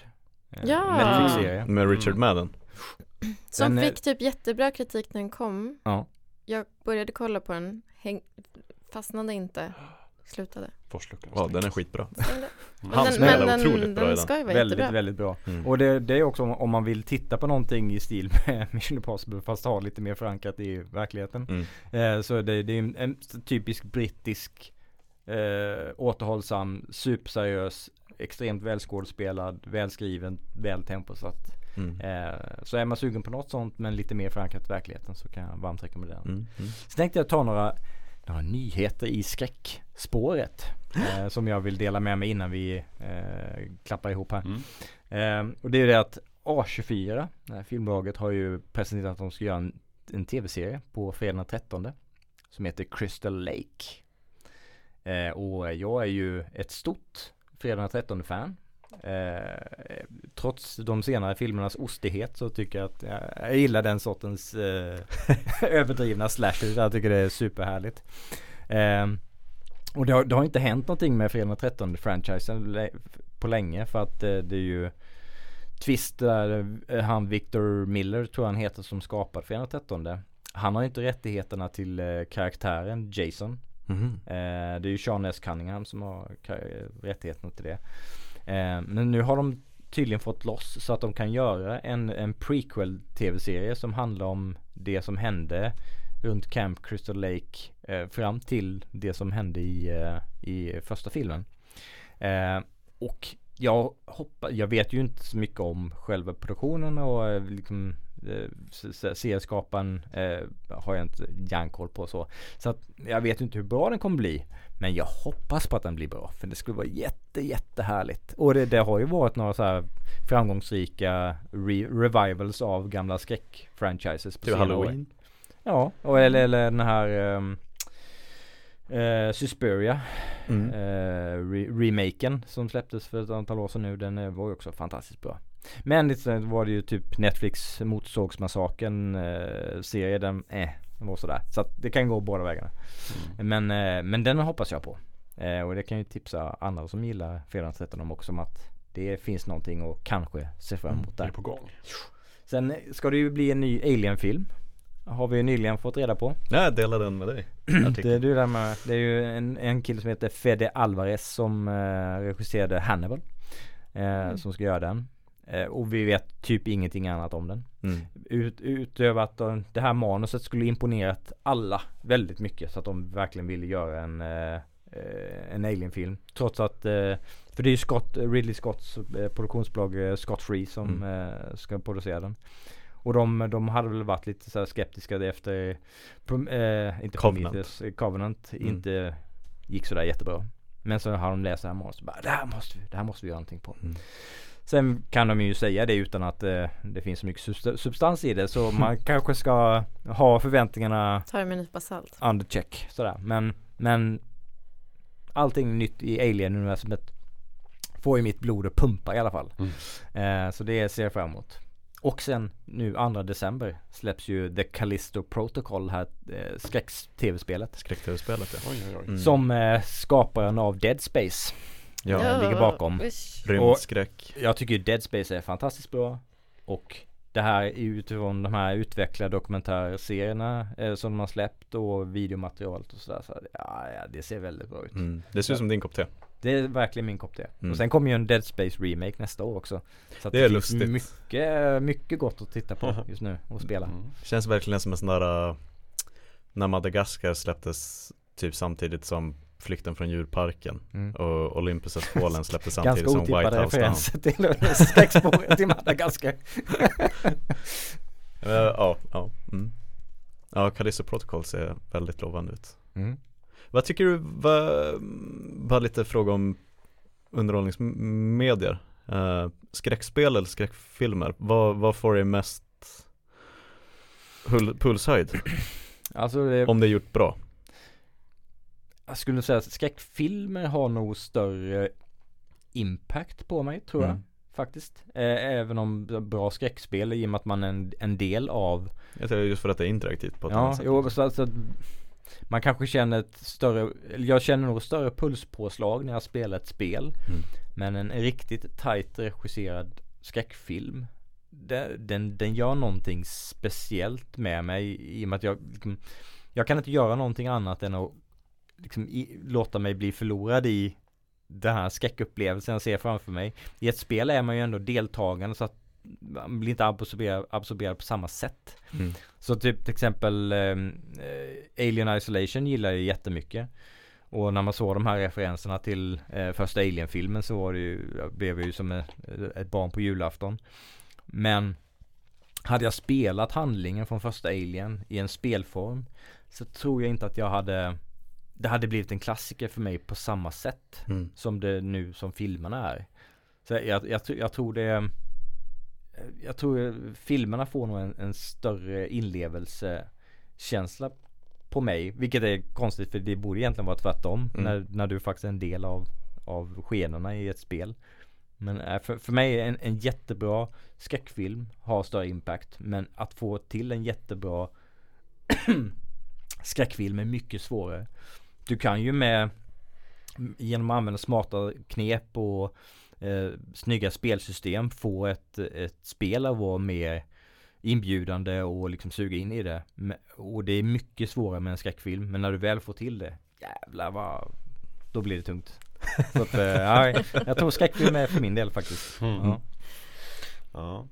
Men då både startar och avslutar vi det här avsnittet i skräckfilmsgenren ja. Och så hade vi ganska mycket skräckfilm i mitten också. Mm. Kul! Kannibaler och skräck. Ja, helt utan att vara ett skräckfilmsavsnitt. Ja. Väldigt roligt. Så Avsnitt- går det när man Avsnittet liksom kan heta Omvändela och kannibaler. ja. Om inte jag si- sista sekunden kuppar och säger kom ihåg att titta på Entrapment i år Entrapment mm. med Sean Connery och eh, Catherine Zeta-Jones Ja, just det. mm. Mm. Varför frågar du? Varför frågar jag? För att det är en av världens bästa filmer Det är bara taget. Då lämnar vi er med det. Alla har fått läxor, eh, kul och sen så ses vi allihopa i december för vårt fläskiga julavsnitt. Ja Eh, tack för att ni har lyssnat i, om ni har gjort det, två och en halv timme sådär på oss. Schysst gjort! Ja, Skriv in och berätta allt om Mm. era upplevelser av det här avsnittet. gärna. Om film och tv och spel. Yes, hörni tack för ikväll, så roligt! Detsamma. Detsamma. Samma. Hej då! Hej då! Puss, hej